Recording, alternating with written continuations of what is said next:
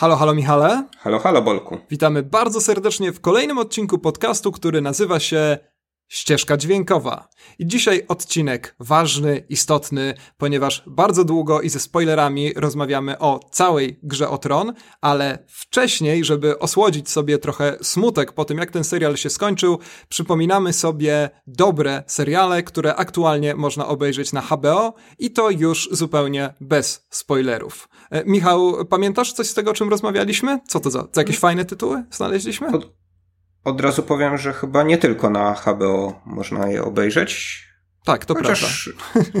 Ale mówimy, gdzie, gdzie który z seriali e, obejrzeć można, więc e, rozprawiamy trochę o serialu Czarnobyl, trochę o serialu VIP, o paragrafie 22, wyprodukowanym przez Hulu, ale właśnie na HBO lecącym, trochę o Barim, Coś mi umknęło? Nie, to chyba wszystko. I tak, wystarczy. Nie wygrzebiemy się z tych seriali jeszcze przez długie lata. Zapraszamy. Zapraszamy.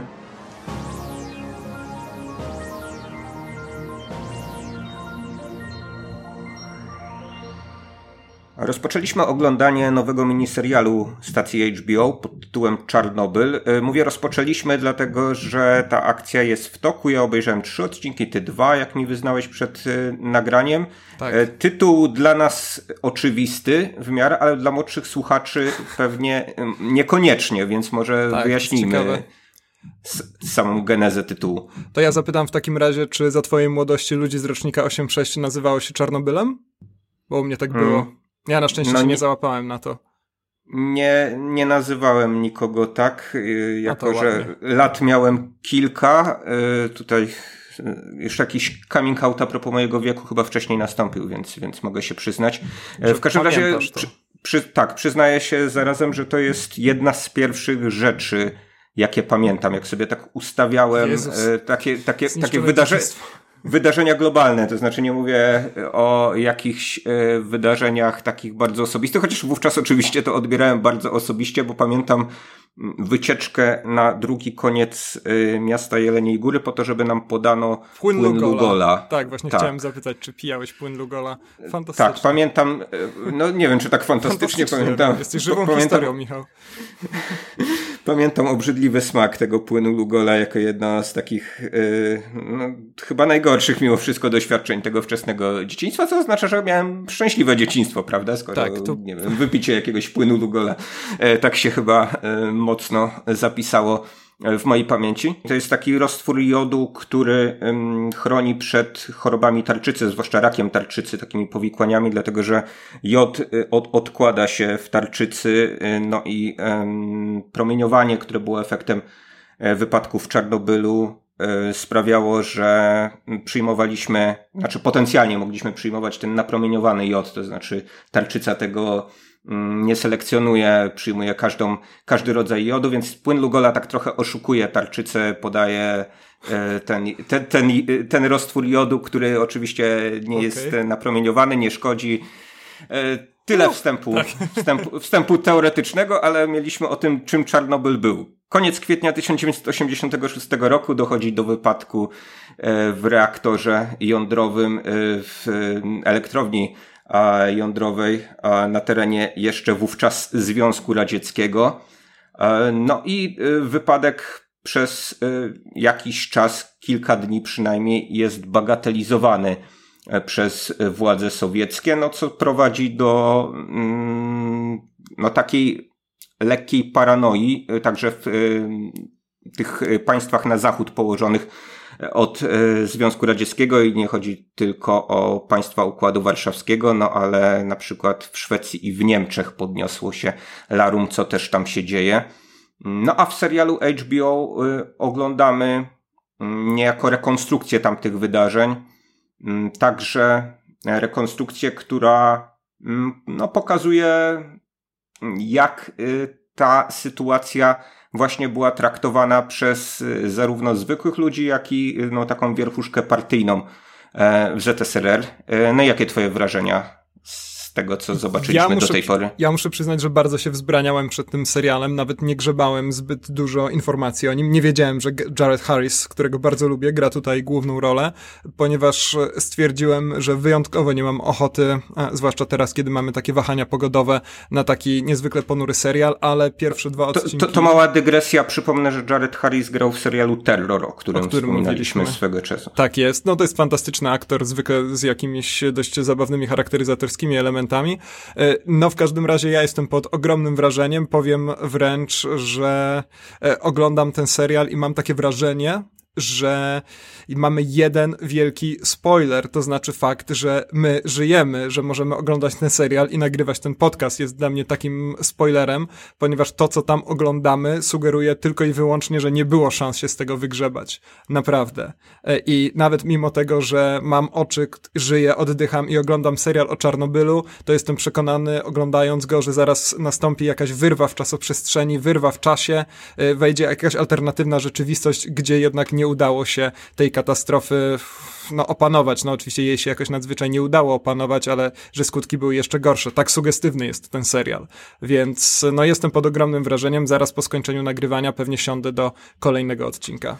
No tak, ten e, serial, e, jeżeli miałbym e, go określić jednym przymiotnikiem, który oczywiście wszystkiego o tym serialu nie będzie mówił, określiłbym słowem przejmujący, bo to jest przejmujący obraz rzeczywiście tych, tych wydarzeń e, z roku 1986, ale właśnie taki, który nie wiem jak u ciebie, ale przynajmniej w mojej głowie właśnie generuje te wszystkie możliwe scenariusze no powiedziałeś przed chwilą, e, które, które, które mogły nastąpić, ale które, które mogą też nastąpić dzisiaj w związku właśnie e, z różnymi awariami No poniekąd, poniekąd. To znaczy ja bym się bał akurat tego efektu serialu, że nagle wszyscy wrócą do tego przekonania, które chyba zresztą niestety jest podzielane przez ciągle większość decydującą, że energia atomowa to jest tylko i wyłącznie zło. Tak nie jest do końca. Tak, być może jest nawet wręcz przeciwnie, więc te, tego bym ja się tak, akurat bał w kontekście nie, ja tego, tego, tego absolutnie, absolutnie nie insynuuję, to znaczy ym, technika poszła do przodu trochę inaczej, ym, także dba się o bezpieczeństwo y, w reaktorach, ale chodzi mi o to, że wciąż mamy czynne reaktory tego typu, który, który był w Czarnobylu. Między innymi reaktor w Smoleńsku, niedaleko za naszą e, granicą. To jest reaktor typu RBMK, właśnie taki jak, jak, jak działał w Czarnobylu. Stąd też no, pewne, nie powiem paranoiczne, ale pewne obawy mogą być chyba uzasadnione mimo wszystko. Jest tam, dodajmy tylko, że tobie jakiś reaktor gdzieś tam w tle wybucha, bo słychać bardzo mocno remont, który się u ciebie Tak, odbywa. to ja w Także tym momencie jesteśmy... chciałem, chciałem przeprosić słuchaczy jesteśmy krok za sąsiadów. Bliżej, jesteśmy krok bliżej ku przerobieniu tego podcastu na efektowne słuchowisko z efektami dźwiękowymi. Poczekajcie, co się będzie działo w tle, jak zaczniemy rozmawiać o grze o tron. Ale tak, oczywiście wracając do reaktorów i do całego tego materiału, który przecież zresztą jak się dowiadujemy z filmu nie rozkłada się, y, no to oczywiście mamy bardzo dużo problemów. Swoją drogą ten film ma fantastyczną ekspozycję na temat tego, jak działa reaktor jądrowy. Y, w drugim odcinku, kiedy bohater nam tłumaczy, na czym to polega pod, gro pod groźbą zostania wyrzuconym z samolotu, wydaje mi się, że ju, już kiedy musicie na upartego wrzucić taką perfidną ekspozycję do filmu, to zróbcie to w ten sposób, naprawdę.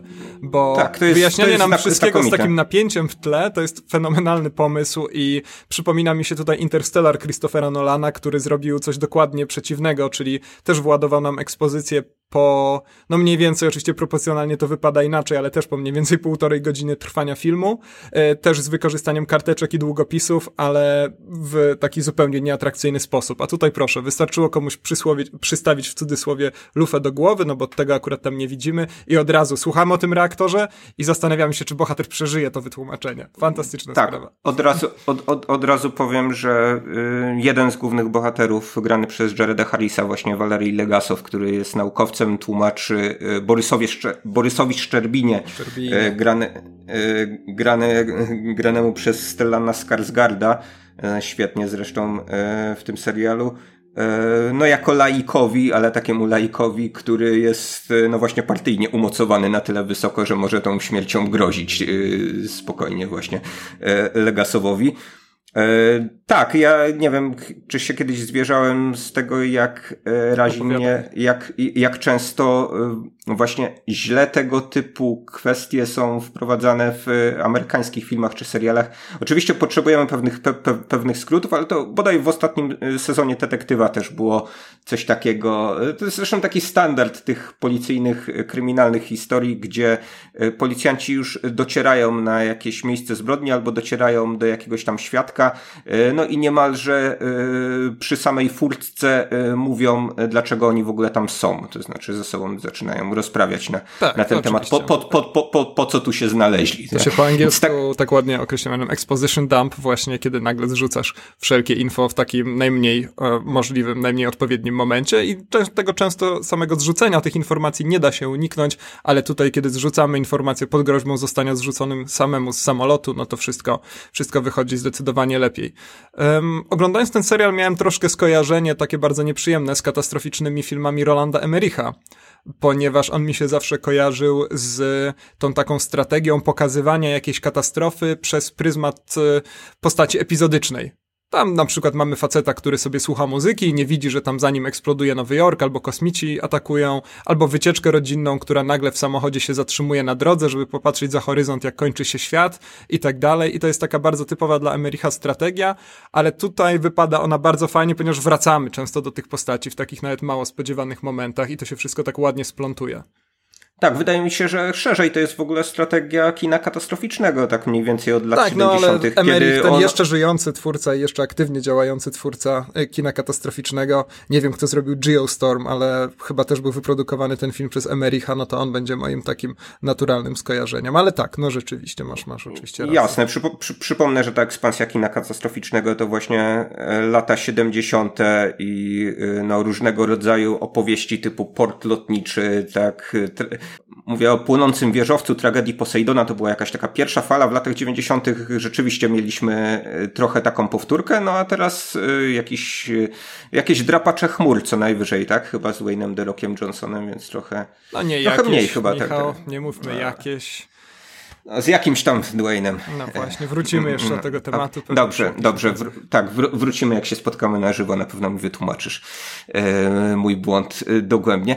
Tak, ale zgodzę się, że tutaj tych pułapek e, kina katastroficznego się unika i to jest w ogóle przedziwna sprawa, bo no, chwalić mógłbym różne elementy tego serialu. Pochwalić należy scenariusz, co jest y, dosyć zaskakujące, zważywszy na to, że showrunnerem, scenarzystą tego serialu jest niejaki Craig Mazin. On y, odpowiadał za takie rzeczy jak Straszny Film wcześniej, czy dwie części Cats Vegas i to drugą i trzecią, a nie pierwszą nawet. Y, dlatego naprawdę nie wiem, co się stało temu człowiekowi, że napisał coś tak dobrego, ale nie wiem, czy nieważniejsze też jest to, jak wszystko zostało przedstawione, bo ja tutaj czuję po prostu taki niesamowity wehikuł czasu. E, co prawda nie żyłem w Związku Radzieckim w Prypeci w, latach 80., tylko trochę bardziej na zachód, e, no ale jednak od wystroju mieszkań do tych właśnie takich posępnych e, blokowisk komunistycznych. Tak, no, część ujęć wszystko masz wrażenie, ja, ja oglądając część z tych ujęć miałem wrażenie, że zaraz zobaczę siebie na trzepaku tam gdzieś. E, naprawdę to było, to było przeurocze. E, aczkolwiek no, Rosjanie mówiący, Rosjanie, Ukraińcy mówiący z tym pięknym brytyjskim akcentem, to jest wydaje mi się coś, do czego trzeba się przyzwyczaić, ale zajmuje to jakieś 6 minut mm, średnio. Tak, bo nie mam z tym absolutnie żadnego problemu, zwłaszcza, że twórcy unikają e, tak zwanego rosyjskiego akcentu, Jezus, czyli najgorszy, jednego z najgorszych pomysłów, na jakie kiedyś Hollywood y, tak, czy też Obejrzyjcie Monachium Spielberga, jeżeli chcecie mieć przykład. Ludzie mówią po angielsku, tylko z w cudzysłowie lokalnymi akcentami. No to jest, to jest tragedia po prostu. No pa pamiętamy skądinąd e, frazę Kazika Staszewskiego, że John Malkowicz jak grał Ruska to mówił motherfucker, tak? I to, to, to odnośnik do hazardzistów Johna Dala, gdy, gdyby ktoś szukał skąd to się wzięło e, Kazikowi Staszewskiemu, no ale to można rozciągnąć na wiele innych e, opowieści o, o Rosji czy też Związku Radzieckim. No a tutaj te realia są znakomicie odwzorowane. Tak jak powiedziałeś, no jakby przyzwyczajenie się do tego języka angielskiego nie boli. Czasami rzeczywiście aktorzy mają problemy z co trudniejszymi nazwiskami. Zdecydowanie. No i taki, tak. Szczerbina rzeczywiście jest wypowiadany na wiele różnych sposobów, bo nie każdy sobie jest w stanie z tym Tak, e, słychać poradzić. nawet to zawahanie przez moment czasem, jak, e, jak ładnie przejść przez próbę wymawiania jego nazwiska, ale to są, no to są detale oczywiście. No plus mamy tutaj taki lekki dysonans w związku z tym, że no, informacje podawane przez rosyjską telewizję na przykład, albo przez y, megafony, czy też tak, różnego rodzaju tak, y, afisze są, są właśnie, są właśnie rosyjskie. Jak wcześniej wspomniałem, no to absolutnie E, nie obniża jakości odbioru tego, tego serialu. E, tak, żeby wyjść poza nasz odbiór indywidualny, to tylko e, no, zwrócę uwagę, że w momencie, gdy mówimy te słowa, to średnia na portalu IMDb dla tego serialu to jest 9,6 to jest, to jest coś, coś niesamowitego, absolutnie.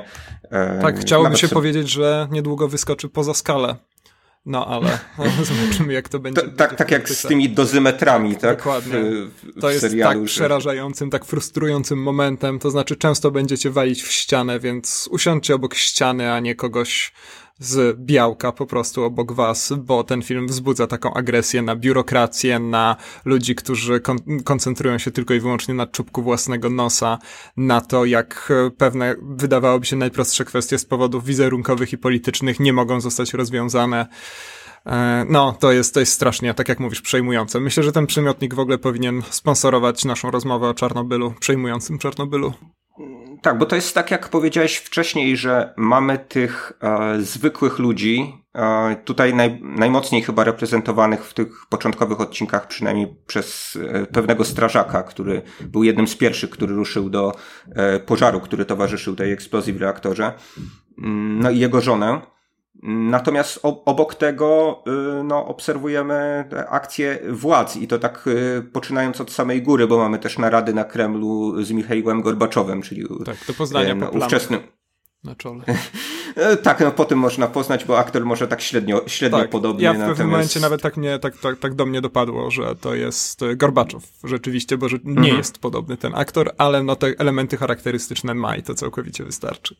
Natomiast jeden z tych głównych bohaterów, czyli Borys Szczerbina, to e, jak najbardziej autentyczna postać, e, zastępca prezesa Rady Ministrów e, w Związku Radzieckim ówcześnie. Zresztą spora część postaci, jak i faktów tutaj się zgadza. Oczywiście mm, no, już, mnie, już napotkałem na takich domorosłych wołoszańskich, którzy gdzieś tam w internetach piszą na forach, że nie wszystko się przecież zgadza, no jak to tak, jak można e, tutaj tak symulować dobrze e, no, odzwierciedlenie tych realiów, a, a wprowadzać e, postacie, które, których nigdy nie było. No, taką postacią jest Oksana Homiuk, która, którą gra tutaj Emily Watson, zresztą po chyba 25 latach, tak, spotyka się ze Stellanem Skarsgardem na, na planie. Pamięta, pamiętamy przełamując falę Larsa von Trilla. Tak, rozmawialiśmy takie... niedawno nawet o tym filmie. Tak, tak, o von Trierze generalnie tak rozmawialiśmy, to odsyłam tam. No więc Teraz okoliczności tutaj... są, mimo że to Czarnobyl, to chyba okoliczności są jednak przyjemniejsze niż w przełamując falę. No ale to teza do dyskusji. Co, co, co Jak mamy? mówił Stellan Skarsgård w wywiadzie, y, tutaj nie musieli się rozbierać, tak jak u von Trilla, więc to, to chyba, chyba zaleta, tak, że nie oglądamy Stellana Skarsgarda rozebranego w tym serialu. Nie, nie, nie komentuję. Tylko takie... Okej, okej, okej, dobra. Jest bardzo dużo młodszych Skarsgardów, którzy lubią się rozbierać przed kamerą, więc no, no Skarsgardów zresztą będziemy oglądać e, jeszcze prawdopodobnie tak długo, jak będą się rozkładać materiały radioaktywne, no bo to jest jakaś Chyba trzech jego synów jest aktorami, tak? Tak. Aleksander najpopularniejszy. No bo teraz, tak, no bo teraz jeszcze IT wypromowało nam kolejnego Skarsgarda, więc rzeczywiście jest tego e, bardzo, bardzo dużo. Ale zacząłeś coś mówić, zanim przeszliśmy do nagich szwedzkich aktorów. Ha, mówiłem y, o tym, że oczywiście tutaj mamy pewne elementy, które no, pozwalają płynniej opowiedzieć tę całą historię, no i to właśnie kwestia, no brzydko powiem, kondensacji y, kilku, y, kilkunastu, a może kilkudziesięciu nawet naukowców rosyjskich w tą jedną panią z laboratorium w Mińsku, która no niejako tak tropi, co się tak naprawdę wydarzyło w kwietniu 86 roku, żeby potem no, minimalizować te tragiczne następstwa e, tej awarii. E, mamy tutaj też kondensację pewnych, pe, pewnych wydarzeń, no, na przykład helikopter, który, który, który, który spada podczas, e, podczas akcji, mm, no spadł trochę, trochę później, no ale to nie jest najistotniejsze, bo wydaje mi się, że, że istotne jest to, że ten miniserial, no właśnie rzeczywiście robi tak niesamowite wrażenie i mm, on budzi kilka różnych uczuć, bo u mnie taka, e, taka rozpacz, poczucie bezsilności mieszały się no, ze zwykłym wkurzeniem na to po prostu, jak działało to państwo, w zasadzie jak nie działało, tak? Ten do, dogasający Związek Radziecki, gdzie no, chociażby e, ten pion decyzyjny, to znaczy rzeczywiście był takim pionem, tak, że tam każdy bał się podjąć jakąś, jakąś decyzję, od, odwlekano je, y, bagatelizowano, e, gdzieś tam starano się zamiatać pod dywan, no a wszystko kosztem ludzi po prostu, tak? Kosztem, koszt, kosztem tysięcy istnień e, ludzkich. E, no i to jest, i to jest znowu powiem przejmujące chyba najbardziej. Tak, trochę ten serial jest też historią o mężczyznach nieudacznikach, jeżeli chcielibyśmy mieć tym tropem interpretacyjnym, to znaczy tam mało kto z nich rzeczywiście może się popisać kompetencją, nawet no właśnie postać Jareda Harrisa, czyli Legasow, e, kiedy przychodzi co do czego, jak się okazuje, popełnia kardynalny błąd e, i dopiero właśnie e, pani astrofizyk z Mińska ratuje sytuację, więc interesuje mnie to rozłożenie ciężaru, ciekawe jak to się skończy, zwłaszcza, że trudno wyobrazić sobie taki bardziej męski świat w tym także negatywnym znaczeniu niż no właśnie radziecką wierchuszkę. No zobaczymy, zobaczymy co z tego wyjdzie, bardzo mnie to interesuje. No i, no, i... no, to, no to jest problem taki, że oni wszyscy improwizują, że tak naprawdę tak, to, to tam byli, bardzo nie, nie byli na to przygotowani. To świetnie tak? widać, to... że to jest właśnie oglądasz to i widzisz, że oni to nie jest sytuacja, którą oni ćwiczyli, to nie jest sytuacja, która mogłaby się wydarzyć, to jest sytuacja, którą możemy porównać tylko i wyłącznie z najazdem kosmitów, ślimaków z innego wymiaru i zakochanych w torcie truskawkowym. Nie wiem, wymyślam teraz największe zagrożenie dla Ziemi, którego nikt wcześniej nie przewidział. E, no i taka skala właśnie jest Czarnobyla dla nich i to jest fenomenalnie wygrane w tym filmie, że nikt nic nie wie. No ale jednocześnie nawet w takiej sytuacji profesjonaliści powinni zachować się inaczej, więc nieładnie. Tutaj Jasne, to znaczy, palcem. Teoretycznie wiele służb było przygotowanych na skutki promieniowania, bo przecież y, zimna wojna trwała wówczas już dobrych kilkadziesiąt lat, no i spodziewano się raczej y, skutków promieniowania będących następstwem użycia broni atomowej. No a tutaj mamy awarię i to na, na samym jakimś takim podstawowym poziomie jakby nikt nie jest w stanie dojść, dlaczego w ogóle do tego nastąpiło i dlaczego w ten sposób to się e, wydarzyło. Sporo jest tam mowy o tym, że w ogóle ten reaktor nie ma prawa eksplodować, bo powinien się stopić. Tak, tak? jak wybucha jakby... reaktor? Nie wiem. To, jest, to są najmocniejsze sceny w tym serialu chyba. Tak naprawdę. I, no i to są, mhm. i to są najtęższe głowy y, Związku Radzieckiego, tak, debatujące nad, nad, nad tą całą y, historią. Tak, dobra, no to skończmy może tę naszą rozmowę o Czarnobylu, który serdecznie polecamy i kontynuujmy, chyba że masz coś jeszcze do dodania. No nie, ja mogę, mo, mogę tylko odesłać do mm, szeregu publikacji na ten temat, ale też filmów dokumentalnych. Y, wydaje mi się, że jest tego bardzo dużo. No, na portalu YouTube jest na przykład film dokumentalny Bitwa o Czarnobyl. Y, nasi y, dzielni youtuberzy nawet wyruszyli do Prypeci pod kierownictwem Krzysztofa Gonciarza chyba i stamtąd różne relacje e, przywieźli. Mm, są takie książki jak Likwidorzy Czarnobyla, także no, jakby baza tej wiedzy e, jest coraz większa i no i polecam tak ku przestrodze też trochę, mm, żeby, no, żeby zapoznać się z tym. Tak jak wcześniej powiedziałem, to nie znaczy, że uważam, że energia atomowa jest, jest zła, bo wydaje się ona tak dosyć paradoksalnie najbezpieczniejszą i najczystszą tak z energii, tak, w momencie, kiedy, kiedy właśnie to o tym bezpieczeństwie energetycznym cały czas wszemi wobec się rozprawia. No ale faktem jest, że y, skutki Czarnobyla y, między innymi takie były dla Polski, że reaktor, który miał powstać y, w Żarnowcu, no, został jakoś szybko oprotestowany nie tylko przez ekologów, bo jakby społeczeństwo to podchwyciło, no i my nie mamy na przykład do tej pory reaktora jądrowego w przeciwieństwie do takich Francuzów czy Niemców. Czy Niemców, tak. E, Wbrew pozorom Chociaż... tych reaktorów jest całkiem niedaleko od nas, całkiem sporo. Dobra, piszcie w komentarzach, czy piliście płyn Lugola w takim razie i oglądajcie Czarnobyl. I czy wam smakował. Tak. A teraz przejdźmy tak, przede wszystkim, e, jakbyście porównali swoje doświadczenia z okropnymi wspomnieniami Michała. Dobra, przejdźmy do następnej fazy polecania seriali, które mogą być odtrutką na ostatni ostatni sezon Gry o Tron. Ja chciałem wspomnieć o takim serialu, który dobrze, dobrze pasuje do tego, co powiedziałeś o Czarnobylu, to znaczy do tego, że nie spodziewałeś się po jego scenarzyście, że jest w stanie zrobić coś tak dobrego. I dla mnie innym takim przykładem jest serial Odpowiednik. Odpowiednik też możecie oglądać na HBO, ale nie jest to serial HBO, jest to serial telewizji Stars, czy też Stars, jak chcą niektórzy. E, I serial napisany przez niejakiego Justina Marksa. Justina Marksa nie kojarzycie z nazwiska, ponieważ on do tej pory zrobił dwa filmy. Jest to Street Fighter Legenda Chun-Li oraz e, ta filmowa adaptacja Księgi Dżungli. Więc ogólnie rzecz biorąc, zwłaszcza w y, przypadku legendy Chan-Li, nie ma się absolutnie czym chwalić, a tutaj proszę, okazuje się, że forma telewizyjna, która na więcej ludziom pozwala, potrafi też wyzwolić po prostu jakieś nieznane nam wcześniej umiejętności, pokłady twórcze. To, ja przepraszam za dygresję zahaczającą o trollowanie, ale bardzo mnie to ciekawi. Widziałeś tego Street Fightera? Tak. Aha. Widziałem oba Street Fightery, chyba że był jeszcze jakiś trzeci Street Fighter. Nie, nie, nie. Ja tego pierwszego rzecz jasna z Jean-Claude'em Van Damme widziałem, natomiast. Yy, We wtorek. No, sądzi, sądziłem, że ten drugi został zagrzebany gdzieś głęboko pod ziemią i tam pięć osób go widziało. Nie, ja go widziałem i to widziałem go nawet w telewizji. E, no, ale mniejsza z tym. E, w każdym razie, a, on jeszcze napisał scenariusz do nowego Top Guna, Top Gun Maverick, bo taki ma podtytuł mało oryginalny, ta, ta druga część w 2020 będzie premiera.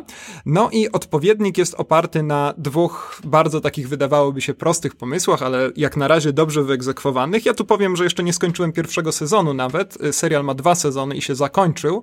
Chyba nie do końca w planowany sposób, aczkolwiek ponoć w sposób satysfakcjonujący. Niemniej, no, już jestem w stanie ten serial polecić. Otóż pierwszy z tych pomysłów, o których wspomniałem, jest e, bardzo prosty i mówi on po prostu o tym, prosty po prostu, co by było, gdyby w Berlinie była nie tylko granica między krajami, ale też granica między światami, a właściwie dwoma rzeczywistościami, ponieważ ten świat w dwóch rzeczywistościach się dzieje. Te rzeczywistości rozpadły się po prostu z jednej rzeczywistości w pewnym momencie. To nie jest tak, że zawsze mieliśmy dwa alternatywne, równoległe światy, tylko one pojawiają się nagle, rozgałęziają się nagle, no i odkry odkryte zostaje przejście między nimi, no i to tyle, jeżeli chodzi o taką, to, taki world building mój, żeby za dużo nie spoilować. A drugi ten pomysł też jest e, bardzo prosty i brzmi, co jest lepsze niż jeden J.K. Simons? No oczywiście dwóch J.K. Simonsów, czy też J.K.ów Simonsów. E, mamy tutaj Simonsa, który gra postać z jednego świata i z drugiego świata. No i ten film, największą siłą tego filmu jest właśnie casting głównego aktora, ale nie chodzi nawet o to, że to jest laureat Oscara i ten konkretny aktor, tylko fakt, że to jest już facet, w podeszłym wieku. No i nie oszukujmy się, widać to nawet jeżeli Simons to jest postać potężna i mocarna, co widzieliśmy w Whiplash, no to rzeczywiście nie można, nie możemy ukrywać tego, że młodzieniaszkiem już nie jest. I to jest niezwykle istotne, bo na takim poziomie budowania postaci ten serial, mm, ponieważ ci nasi bohaterowie, dwóch e, Howardów, właśnie te, ten bohater nazywa się Howard Silk, e, obaj tak się nazywają, oni się spotykają jeszcze w pierwszym odcinku, na tym w dużej mierze zbudowany jest ten serial, no i ten e, bohater z ujmijmy to w ten sposób, naszego świata dużo rozmyśla nad pewnymi wyborami, których dokonał, co się takiego wydarzyło, że tak bardzo różni się od tego tytułowego odpowiednika, bo nie mają oni ze sobą rzeczywiście absolutnie nic wspólnego, co się wydarzyło, że ich losy potoczyły się tak zupełnie inaczej? I muszę przyznać, że w przypadku, kiedy mamy do czynienia z takim starszym bohaterem, po którym widać rzeczywiście bagaż doświadczeń, to można się tym wzruszyć w jakiś sposób. No może to moja wina, właściwie wina tego, że jakiś czas temu przekroczyłem trzydziestkę, ale coraz częściej myślę o takim takich rzeczach e, i kiedy oglądam postać jeszcze starszą, trudno sobie wyobrazić, ale jednak ode mnie to rzeczywiście w jakiś sposób mnie to tam porusza, zwłaszcza, że często to jest budowane na takich e, no niedopowiedzeniach, e, jakichś dyskretnych spojrzeniach na przedmioty należące do tego swojego odpowiednika, prób umieszczenia pewnych wydarzeń, informacji w jakimś kontekście i to jest fajne. A kolejna interesująca kwestia to to, że to jest w gruncie rzeczy po prostu serial szpiegowski i to serial szpiegowski w klimacie lekara. W najlepszym klimacie lekara, to znaczy prawie nic się tutaj nie dzieje, a jednocześnie historia jest nadzwyczaj pokomplikowana. E, I rzeczywiście, jeżeli ją śledzimy, to jest ona, w każdym razie na razie, z tylu odcinków, ile widziałem, bardzo satysfakcjonująca. E, z tym, że uczulam, to jest jak u lekarza, to znaczy, że ktoś idzie spotkać się ze swoim kontaktem, ktoś idzie pogadać z kimś w sklepie z mięsem przez 10 minut. E, I w przypadku lekarza często tak jest, że można w końcu stracić zainteresowanie tą intrygą. Mam nadzieję, że w przypadku odpowiednika tak nie będzie. I druga, druga sprawa to to, że rzeczywiście ten serial należy oglądać bez telefonu w ręku. To znaczy odwrócicie głowę na chwilę, to gdzieś tam nagle się okaże, że oglądacie już tą alternatywną rzeczywistość i nie będzie wiadomo, cóż tam się wydarza i gdzie wy jako widzowie w tym momencie się znajdujecie.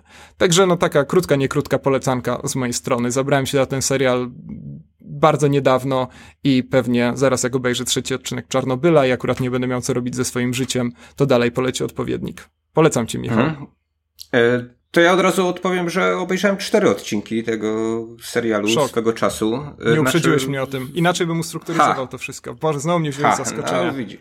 Widzisz, no ja lubię jak sobie monologujesz trochę, żebym potem mógł to skontrować w jakiś sposób, e, bo tutaj będzie właśnie taki przypadek, to znaczy o, o ile struktura tego świata przedstawionego i sam punkt wyjścia mnie bardzo zainteresował, o tyle to jak się to rozwija, bądź też nie rozwija, bo widziałem raptem cztery odcinki, e, no niestety mnie odrzuciło od tego, od tego serialu. Być może twoje rady powinienem wziąć sobie do serca i nie wiem, nie oglądać tego z pełnym żołądkiem, tak, e, pełnym telefonem. Głowę zginać czy, tylko pod określonym kątem, na kolanach. mrugać ileś tam razy na minutę i wtedy, wtedy ci się na pewno spodoba. Niemniej czuję, że właśnie yy, no te koła i intrygi mielą tak wolno, że tutaj chyba nie ma za bardzo pomysłów, w którą stronę to ma zmierzać. Tu, nie wiem, apel do e, słuchaczy, którzy, którzy są fanami tego serialu, żeby mnie wyprowadzili z, z mojego błędnego e, myślenia. Natomiast e, wydaje mi się, że za dużo jest takiej właśnie celebracji tego, tych różnic pomiędzy, no takich drastycznych różnic, prawda, pomiędzy, pomiędzy dwoma tak. Howardami. No i koniec końców e, fabuła na tym cierpi.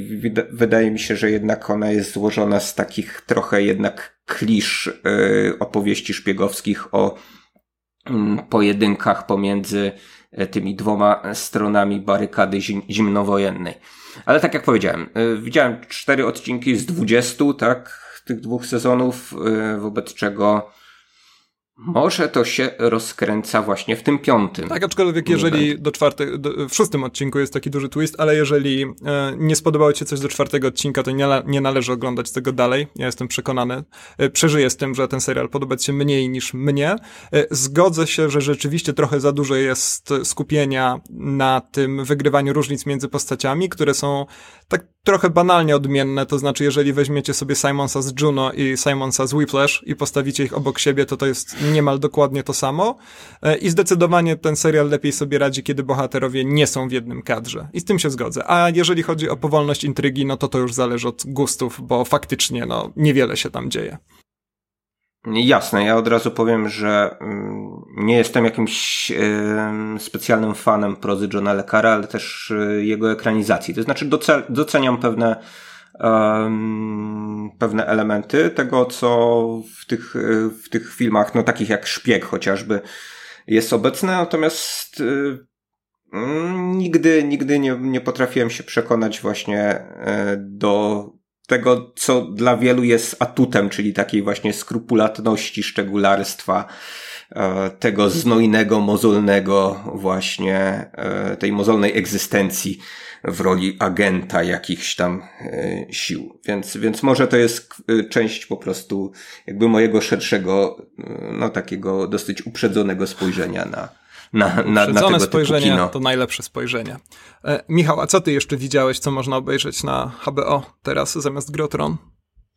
E, no, trochę się obawiam, że y, zamieni się ten nasz przegląd y, w seriali w przegląd y, seriali, których y, nie dokończyłem, czy też nie dokończyliśmy, ale tutaj usprawiedliwiam się, że mo mowa o zupełnej świeżynce. Y, paragraf 22 a według prozy Josepha Hellera, e, no pojawił się raptem kilka dni temu i pojawiło się od razu sześć odcinków tego miniserialu. Ja zdążyłem obejrzeć e, cztery i to nie znowu cztery, dlatego że to są e, cztery testowe odcinki, tak, tak jak w przypadku od, odpowiednika. Najczęściej robię jednak tak, że e, robię sobie taki test pilota. Robię jak test pilota Pilksa i jeżeli... Test pilota e, Sariana.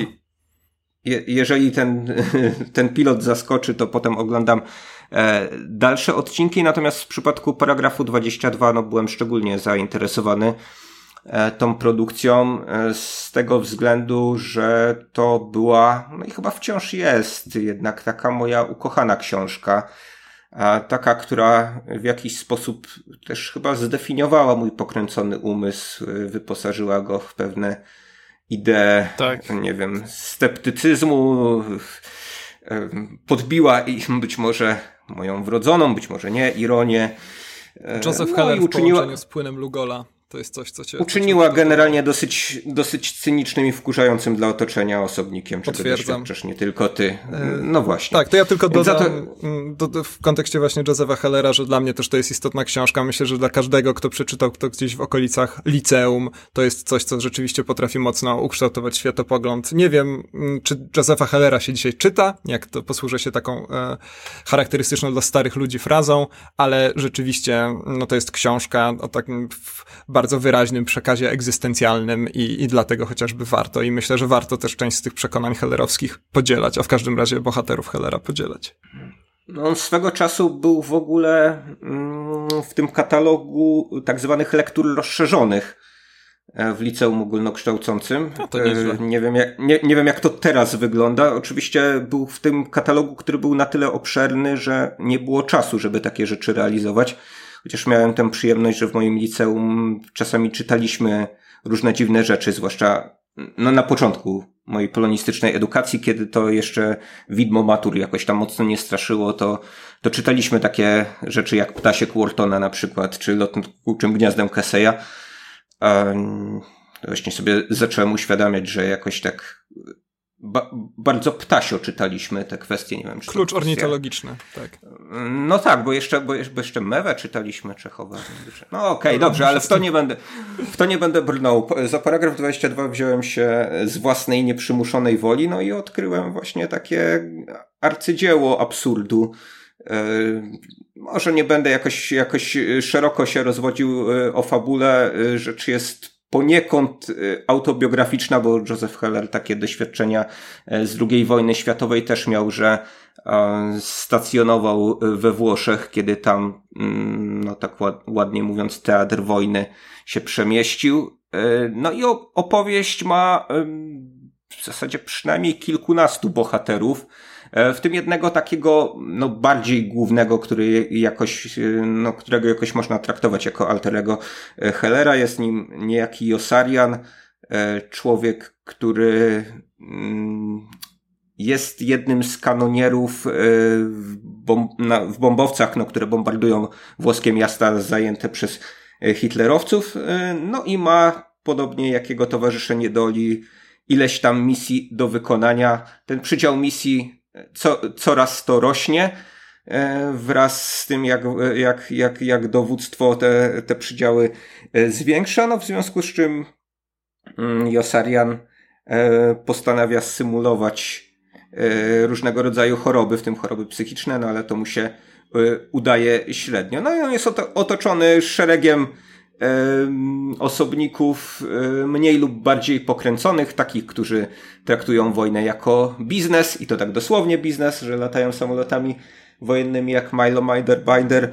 E, no jest e, otoczony przez e, oczywiście półgłówków z dowództwa, którzy bądź to są zainteresowani tylko i wyłącznie paradami, jak pułkownik Szajskow, no albo mają innego rodzaju odpały, jak pułkownik Kafkart. Wszystko to w gęstym, groteskowym sosie, takim, no, nie powiem nihilistycznym, no bo jednak tam jest cały czas Jesarienowi towarzyszy wiara w to, że udało mu się życie ocalić, podczas gdy gdzieś tam e, wokół niego różne osoby giną, jak to na wojnie. Mm, no ale, ale jest to, jest to, jest to niesamowicie ciekawa lektura ze względu na to, że mm, tam groza wojny mm, jest połączona z humorem i to nie jest taki tylko i wyłącznie humor koszarowy, czyli taki dosyć, dosyć ciężki, oparty na różnego rodzaju mniej lub bardziej klacznych dowcipach, no ale też taki humor oparty na wysoko zawieszonej poprzeczce absurdu. Mm, co od razu powiem, tak w tym miniserialu no właśnie, udało się, się odwzorować e, średnio, Book, więc... Klub e, książki nam się może, zrobił z tego, dyskusyjny klub może, może, ty, może ty zaczniesz, e, bo odpadłeś od tego dosyć Odpadłem szybko, bardzo szybko, odpadłem po dwóch fragmentach 15-minutowych. Po pierwszych 15 minutach stwierdziłem, że nie chce mi się dalej, później z obowiązku postanowiłem obejrzeć kolejne 15 minut, a później trzeba było nagrywać podcast. Bardzo mi się nie podobało to, co zobaczyliśmy do tej pory. Heller, zresztą film Mike'a Nicholsa, bo przecież paragraf Paragraf 22 został kiedyś zaadaptowany na ekran, też mi się nie podobał. W latach tego, 70. Tak, jeszcze, tak, tak. Tak, z tego co pamiętam, nie odświeżałem sobie tego filmu, ale nie podobał mi się. Nie wiem, czy z tych samych powodów, co serial. Mogę o serialu powiedzieć tyle, że ta proza Hellera po prostu bardzo słabo chyba przypisuje się na obraz.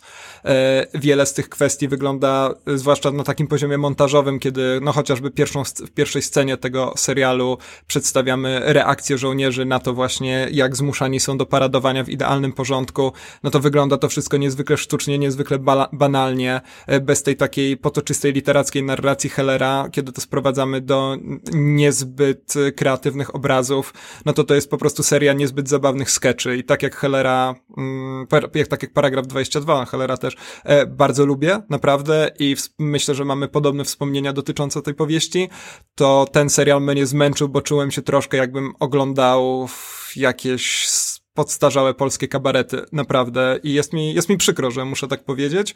E, tak jak mówię, reguła czterech odcinków, więc być może nie powinienem odpadać po nie, nieskończeniu nawet pierwszego, ale jeżeli mnie, więc jeżeli mnie przekonasz, to, to może spróbuję. Na razie, na razie się naprawdę męczyłem.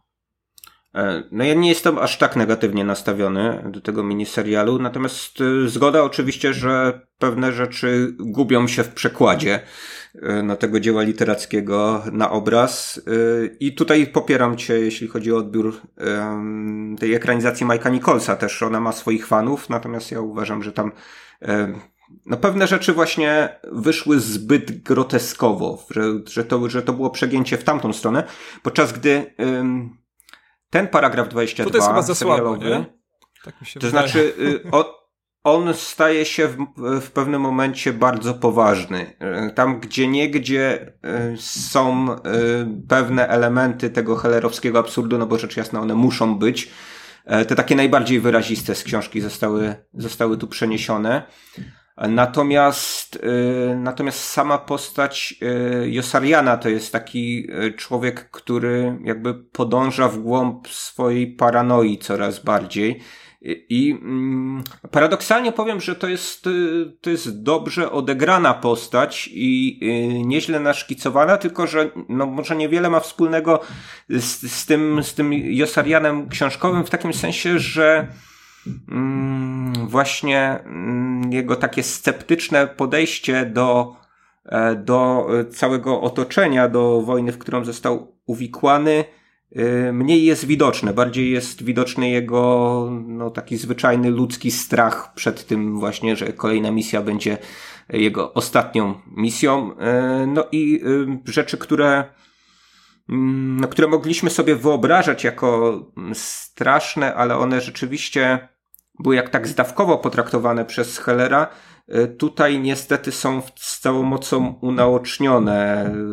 Y, tu mamy takie no takie, takie, takie fragmenty, które są fragmentami gore. Y, co, co, co znowu, no, może nie jest jakimś specjalnym zarzutem, no jednak mamy do czynienia z wojną, na której no, różne rzeczy się dzieją. Natomiast yy, nie chcę, te, nie, chcę, nie chcę, żeby zostać źle zrozumianym, żeby to nie była recenzja typu, a książka była lepsza. Tak, no właśnie. Mhm. Natomiast, natomiast wydaje mi się, że ten serial, no, po pierwsze nie oferuje e, jakiegoś zupełnie nowego spojrzenia na, na, na prozę Hellera, nie rozszerza tego, co, e, co w tej literaturze, a po drugie, no, e, nie, nie, nie przenosi jej w całości. To znaczy, koniec końców jednak, jednak spłyca ją, pomijając pewne, e, pewne jakby kluczowe elementy, no nie tyle budowy świata przedstawionego, co co, co wymowy, tak? Pewnych, pewnych konkretnych scen. Wydaje mi się też, że różni aktorzy grają w różnym kluczu. I e, może rzeczywiście ten początek dla ciebie szczególnie trudny do zniesienia był dlatego trudny do zniesienia, że jedna z tak zwanych gwiazd tej produkcji, czyli George Clooney w roli Scheiskopfa, e, jest absolutnie fatalny. To znaczy, ja miałem takie wrażenie, przynajmniej nie wiem, nie wiem jak odebrałeś e, George'a Clooney'a no, nie tutaj. żadnych uczuć w e, stosunku do niego. Wąs mi się podobał. No, o, o, on, on gra jak w takim teatrzyku y, takiego, no takiego właśnie kompletnie... Takiego y, Tak, kompletnie człowieka, który, który ma y, G w głowie.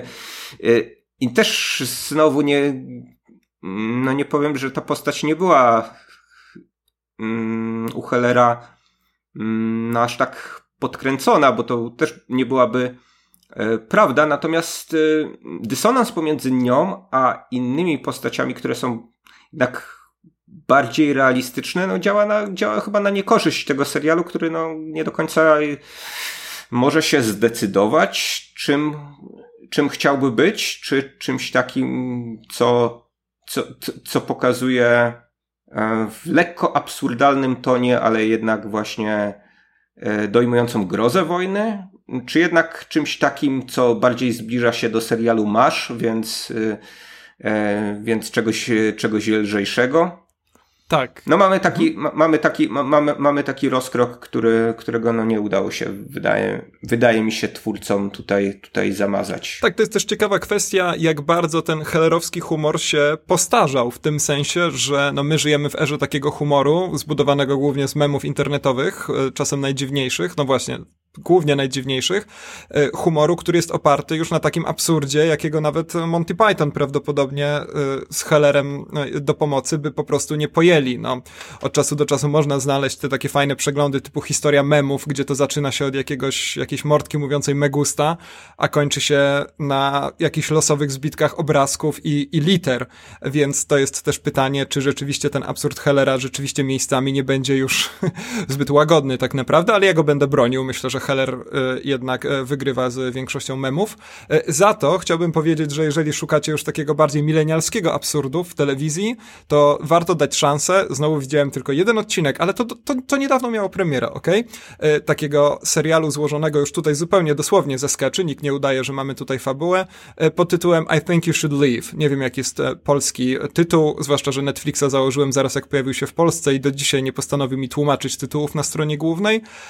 Tak czy owak, jeden odcinek, który widziałem, to jest zestaw całkiem niezłych skeczy, no oczywiście są lepsze i gorsze, ale minimum jeden jest bardzo dobry, co jak na 17 minut trwania odcinka jest bardzo dobrym wynikiem. I think you should leave, tak jak myślę, że powinnaś, powinieneś już stąd wyjść.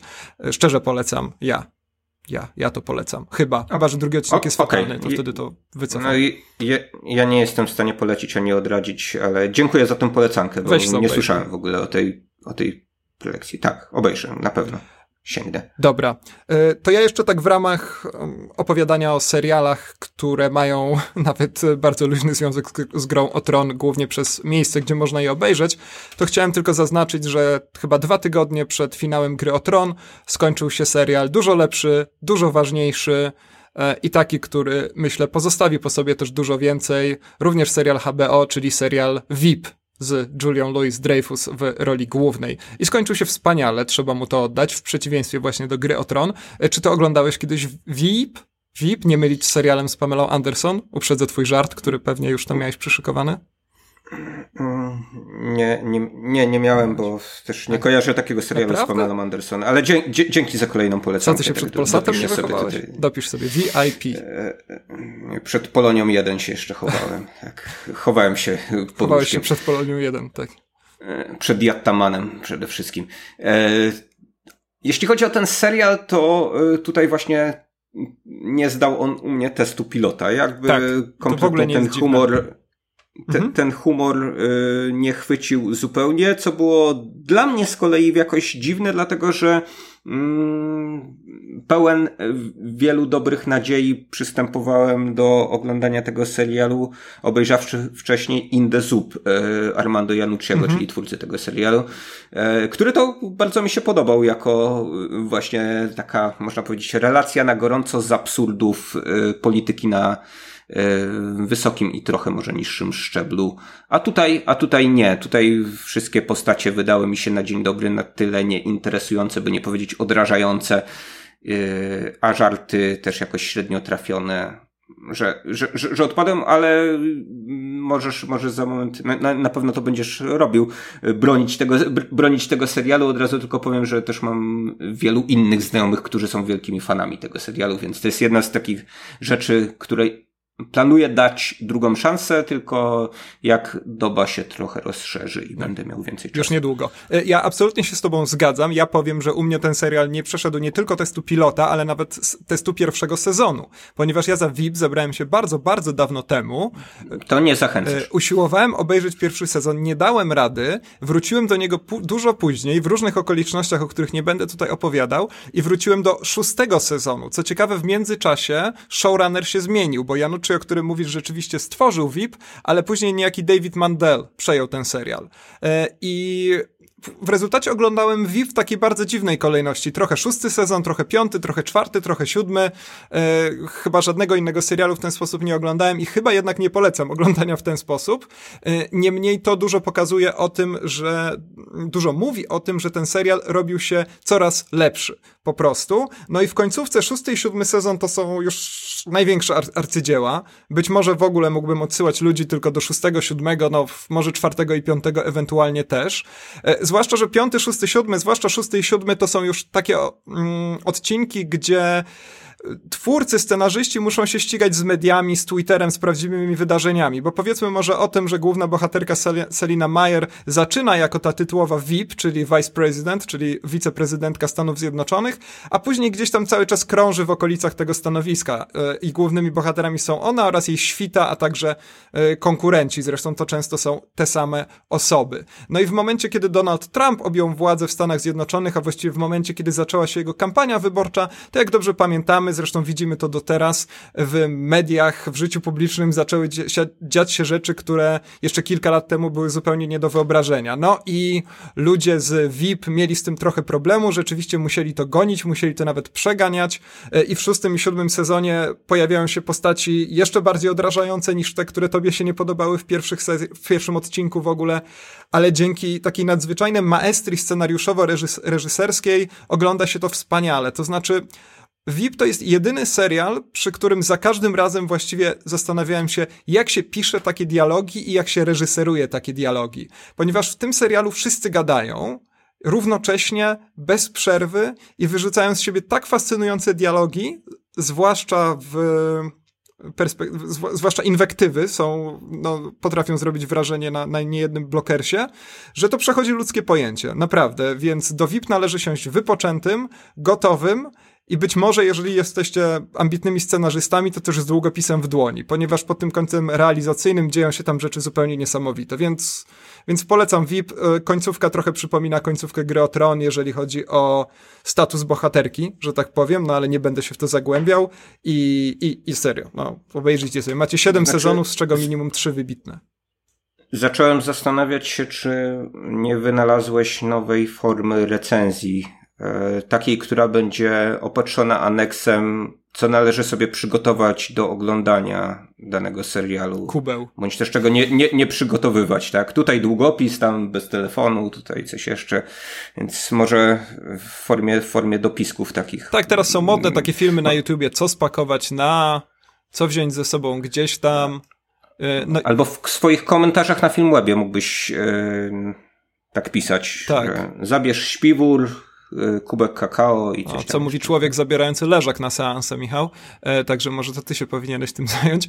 Ale mam też e, w planach e, taki, być może cię w to wciągnę, nawet może nagramy taki odcinek e, rzeczy, które można robić w czasie filmu, na którym się nudzisz, a nie chcesz przeszkadzać ludziom obok. Mm, to będzie okay, to, myśl, to tak, to myślę, że jak ten sezon festiwalowy, chociaż on już chyba wystartował, ale to jak trochę sobie porozmawiamy tak bardziej wakacyjnie, tak, o, o, o tym właśnie, dlaczego zabieram leżak do kina, to wtedy e, to napoczniemy. To ja chciałem tylko, z, z, zamykając temat tego serialu, chciałem tylko zapytać, czy to nie jest ze szkodą dla śledzenia całej intrygi i rozumienia postaci, że nie wiem, zacząłbym to oglądać od piątego sezonu na przykład? E, myślę, że tak, ponieważ sama Selina Meyer rzeczywiście no w pewnym momencie, zwłaszcza w siódmym sezonie, ona, ona podejmuje wybory tak radykalne i rzeczywiście tak odpychające miejscami, że chyba lepiej spróbować ją zrozumieć, po prostu. Oglądając ostatnie sezony, oglądając poprzednie sezony i wiedząc po prostu dokładnie w jakim miejscu bohaterka się znajduje. No i tutaj też fantastyczną postać kreuje niejaka Anna Klamski, którą możesz kojarzyć z takich hitów jak Moja dziewczyna, grała tytułową moją dziewczynę. Klamski to jest, to była popularna aktorka dziecięca, no i VIP to był jej taki wielki powrót. Nie dostała za to Emmy. Dziewczyna Kevina. Tak, tak zwana tak. dziewczyna Kevina. No sama Julia Louis-Dreyfus, Julia Louis-Dreyfus Dreyfus dostała siedem nagród Emmy za VIPa, tak mi się wydaje, więc, e, więc warto oglądać. E, no i tak, rzeczywiście być może czasem trzeba, trzeba się po prostu przemęczyć przez te pierwsze sezony, a może wam się akurat spodobają, no. Jest żart z filmoznawstwa w pewnym momencie, ale wrzuciłem go na Facebooka, więc możecie go sobie tam obejrzeć. Czyli spaliłeś już, tak? Jeden z argumentów, dlaczego to mam oglądać. tak, dla tej sekundy, bo tam córka bohaterki studiuje, no jest na film studies, to jest przetłumaczone na, na filmoznawstwo, chyba nie do końca prawidłowo. E, dobra, e, czy, to jeszcze, czy jeszcze jakieś seriale przed nami w ramach tego przeglądu, czy przechodzimy już do tego głównego, wielkiego, strasznego Zaraz serialu. Przejdziemy do sekcji spoilerowej, e, sekcji tej przerażającej. Chciałem tylko powiedzieć, że skończył się e, dzień? E, Jeszcze nie. No, nie, jak to się mówi wczoraj, tak? Tak, tak się mówi na ten dzień, który, który był przed dniem, w którym jesteśmy dzisiaj, tak? Tak, ewentualnie no, tak. możesz powiedzieć to... poniedziałek, bo nagrywamy we wtorek. Mhm. In, inny serial stacji HBO, Barry, o którym mówiliśmy tak. trochę więcej w, y, wcześniej, więc chyba tu nie będziemy się rozwodzić y, za mocno.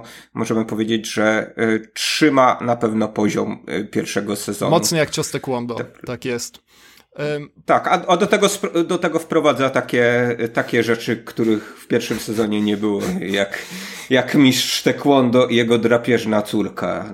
No, przedziwny, przedziwny. Odcinek, na którym się zatrzymałeś. Nie, nie, drogą, jeden tak? dalej widziałem jeszcze. Okay. Nie mogłem tego tak odpuścić, no i dzisiaj tego Berego pewnie skończę. O Boże, straszne mam plany serialowe na ten wieczór. Nie, to się wszystko nie wydarzy, muszę jeszcze pracować i ten podcast wrzucić gdzieś. E, ale o, no, Barry... no to żeby, żeby, żeby cię dobić zupełnie, to tak mogę przedstawić plany serialowe na, na, na najbliższe tygodnie. 31 maja Good Omens y, Gaimana i Pratchetta, 5 czerwca Czarne Lustro, tego samego dnia opowieść podręcznej, 9 czerwca Wielkie Kłamstewka, 21 czerwca Dark, 24 czerwca Legion, 4 lipca Stranger Things i 12 sierpnia Terror. Czujesz się dobity? Wow, to był najgorszy rap, jaki słyszałem. E, nie, część z tych seriali nawet mnie, muszę przyznać, nie interesuje, jak Czarne Lustro albo opowieści podręcznej, z których odpadłem w pewnym momencie. E, na Wielkie Kłamstewka oczywiście czekam, cały podekscytowany. Wrócę jeszcze tylko na chwilę do Barry'ego, to znaczy słyszałem takie opinie, że Barry miałby zastąpić VIP w ramówce HBO, jako ta podstawowa komedia, ale mam wielką nadzieję, że tak się nie wydarzy, bo VIP to jest jednak monstrum siedmiosezonowe, nawet jeżeli te sezony sezony trwają dużo krócej niż tradycyjne sezony, bo chyba po 10 odcinków, to jednak chciałbym, żeby Barry pozostał taką małą, skromną, offbeatową, jak to się mówi z angielska, komedią, gdzie rzeczywiście można sobie na dużo pozwolić, choć no w VIP-ie też można, co zobaczycie w postaci Johna Ryana na przykład. Jeż jeżeli strategia HBO będzie taka sama jak w tym roku, to znaczy Barry będzie przyklejony do jakiejś wysokobudżetowej superprodukcji serialowej, którą wszemi wobec HBO będzie e, pompować i chwalić się nią e, w różnych mediach, no to pewnie, pewnie tak zostanie, że to będzie niszowy serial, natomiast chyba chyba trzeba się domagać do tego, żeby jednak e, wyszedł na ten plan pierwszy, prawda? Bo to tym się HBO powinno chwalić, a nie Gromotron. Dobrze, to przejdźmy do sekcji spoilerowej po kilkunastu sekundach przerwy, bo muszę podłączyć komputer. Zaraz wracam. Miłej zabawy. Michał po 15 sezonach, 40 latach i 820 tysiącach odcinków skończył się serial Gra o Tron. Czujesz, że w twoim życiu się coś skończyło ważnego? Czy byłeś fanem Gry o Tron? Niewątpliwie tak. Od razu chciałem powiedzieć, że dezinformację, którą tutaj uprawiasz na samym początku, y, zaczerpnąłeś pewnie ze swojej ulubionej stacji telewizji publicznej, tak, o której rozmawialiśmy przed momentem.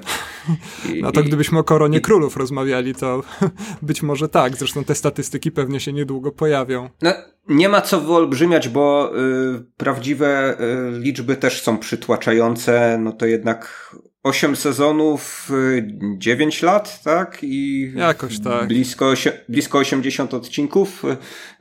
Trochę mniej ze względu na to, że teraz mieliśmy ich sześć, a nie dziesięć jak zawsze, ale za to niektóre przynajmniej trochę dłuższe. No był to serial, który był ważny i temu jakoś nie sposób zaprzeczać, y, mimo tego wszechobecnego hejtu na sezon ostatni.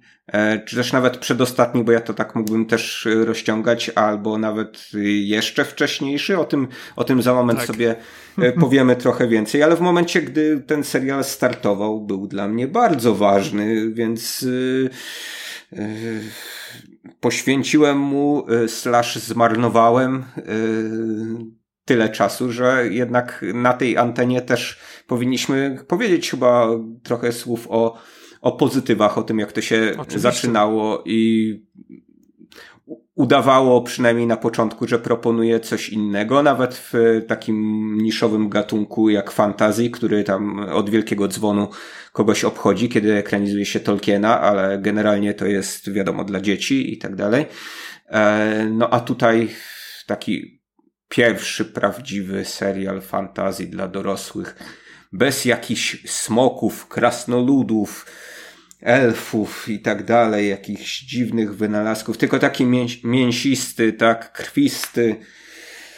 No a potem pojawiły się smoki tak, y, to jest y, ciekawe, może ja tylko na chwilę przejdę do takiego podsumowania a propos wagi gry o tron, że to jest chyba y, pierwszy, pierwsza produkcja w ogóle w historii, myślę, że nawet Władca Pierścieni tego nie osiągnął, która rzeczywiście była w stanie połączyć ludzi, o których być może trochę stereotypowo się mówi, że stoją po przeciwnych stronach, no może nie barykady, ale w ogóle jakichś takich zainteresowań, to znaczy tych, którzy rzeczywiście lubią się taplać w ponurym realizmie i odrzucają te wszystkie bajki, o których ty wspomniałeś, a właśnie tych, którzy którym ta magia i miecz jest zdecydowanie bliższa. Więc to jest taka kwestia w grze o tron, że rzeczywiście no, te wszystkie tematy, mm, które no mimo wszystko, jakby nie patrzeć, wywodzą się ze świata fantazji, tego nie ominiemy i nie powinniśmy tego omijać, faktycznie trafiły do poważnych programów publicystycznych, poważni komentatorzy polityczni się za to zabrali i tak dalej. Więc to jest takie dziedzictwo gry o tron, którego rzeczywiście temu serialowi nigdy nie odbierzemy. I ja jako osoba, która E, no myślę, że akurat dlatego powiedziałem, że nie chcę tak stereotypowo dzielić ludzi, ale jestem fanem zarówno fantazji, jak i ponurych realistycznych produkcji, to no to czuję, że rzeczywiście teraz gdzieś tam nawet w mojej głowie nastąpiło takie symboliczne e, połączenie. No ale to tak wybiegam właśnie od tego dziedzictwa gry tron, ale skoro o tym wspomniałeś, to myślę, że warto to podkreślić.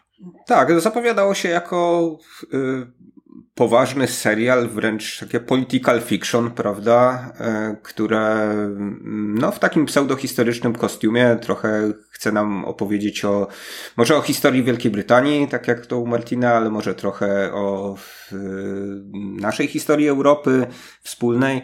E, więc e, potencjał był e, bardzo duży. Drugi fakt niezaprzeczalny jest taki, że ten serial właśnie wiązał, jak wspomniałeś, różnych ludzi i to wiązał ich na długie tygodnie z racji no, tej dystrybucji, która no, dzisiaj już jest y, czymś, y, może można nawet powiedzieć, rzadziej spotykanym wobec y, binge'owania różnych seriali. Tak, choć HBO trzyma się tego wiernie, czego przypadkiem jest Czarnobyl, o którym sobie rozmawialiśmy jakieś trzy godziny temu. Jasne, z tym, że po taki Czarnobyl pięcioodcinkowy gro naszych y, słuchaczy pewnie też y, sięgnie, żeby zbingować wszystkie pięć odcinków albo, albo w pakietach sobie to jakoś oglądać, bo nie będą też pewnie czuli takiego przymusu, że jak nie obejrzałeś, no to zginiesz, tak? W sensie takim, że giniesz społecznie, bo nie masz o czym rozmawiać w pracy. Tak.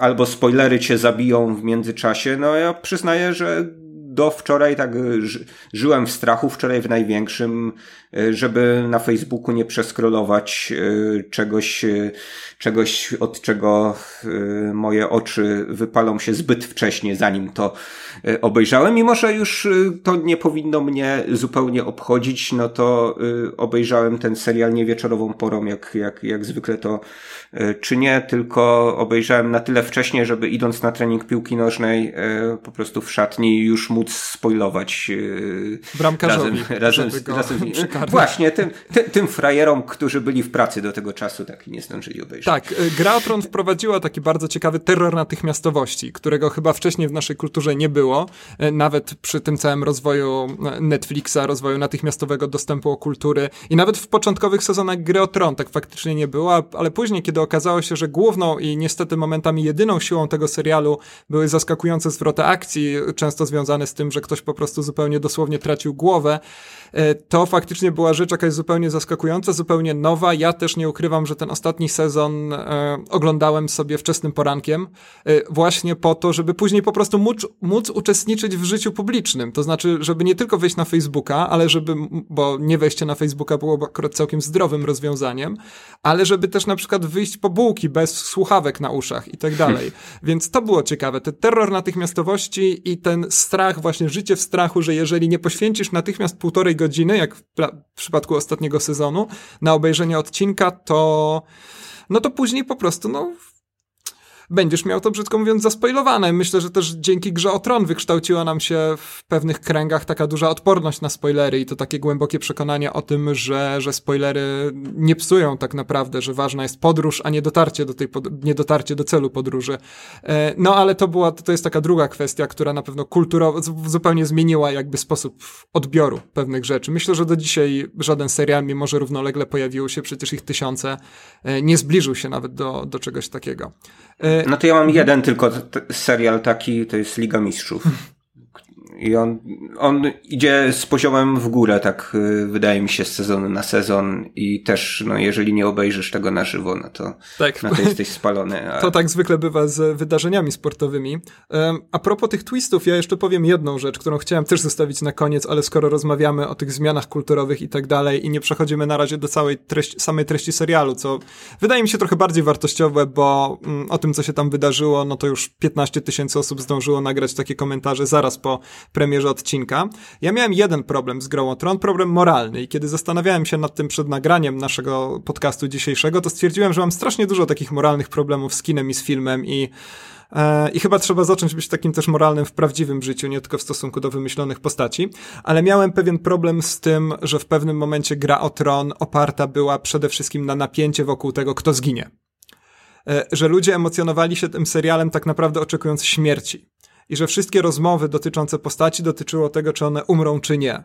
I to jest coś, co dla mnie jest w jakiś tam sposób niepokojące i nieprzyjemne. I, i za to też będę grę o Tron pewnie pamiętał. I ja nie do końca też się zgodzę, że jakby ten temat, y, y, kto, kto umrze następny, był najważniejszy w przypadku gry o Tron, bo jak wiadomo, Valar Morgulis, tak, i spodziewałem się w ogóle jakieś niesamowitej jatki w kulminacji tego, e, tego serialu. E, po tym jak na początku rzeczywiście te śmierci były e, zaskoczeniem, no i śmierć rzecz jasna Neda Starka, ale też potem tak zwane krwawe gody, czyli, czyli, czyli, czyli kolejna rzeź u Starków.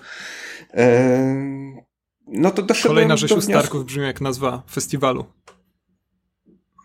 No to może zrób taki festiwal, nie wiem, czy ktoś przyjdzie. No, znaczy, nie wiem, może, może fani Ironmana. Ale nie o tym chciałem. To znaczy, wydaje mi się, że, że ten serial oferował e, jednak dużo więcej niż to, e, niż te, niż te zaskoczenia, bo on jednak w obrębie poszczególnych odcinków też się bronił, jednak miał dość finezyjnie napisane dialogi. Nie wszystkie oczywiście, natomiast były takie postacie, które, no wiadomo, miotały tymi e, punchline'ami e, bardzo gładko i na tym jakby sława Petera Dinklage'a e, a Catriona Lannistera została ufundowana i dlatego on z jakiejś tam bardziej drugoplanowej postaci awansował na zupełnie pierwszoplanową. By potem znowu zostać zepchniętym, zresztą w ostatnim sezonie, gdzieś na koniec. Także wydaje mi się, że no jednak, jednak było, było co śledzić, bo te rozgrywki tych rodów, no właśnie knowania polityczne, to, że pojawiały się takie E, postacie na początku jakieś tam trzecioplanowe, jak e, Peter Baelish, e, czyli Littlefinger, mm, postacie dość inteligentne w przeciwieństwie do pierwszoplanowych postaci, które z inteligencją specjalnie nie, nie, nie grzeszyły, no to, to, to, to wszystko było dosyć, dosyć interesujące. Czarne charaktery też były bardzo wyraziste.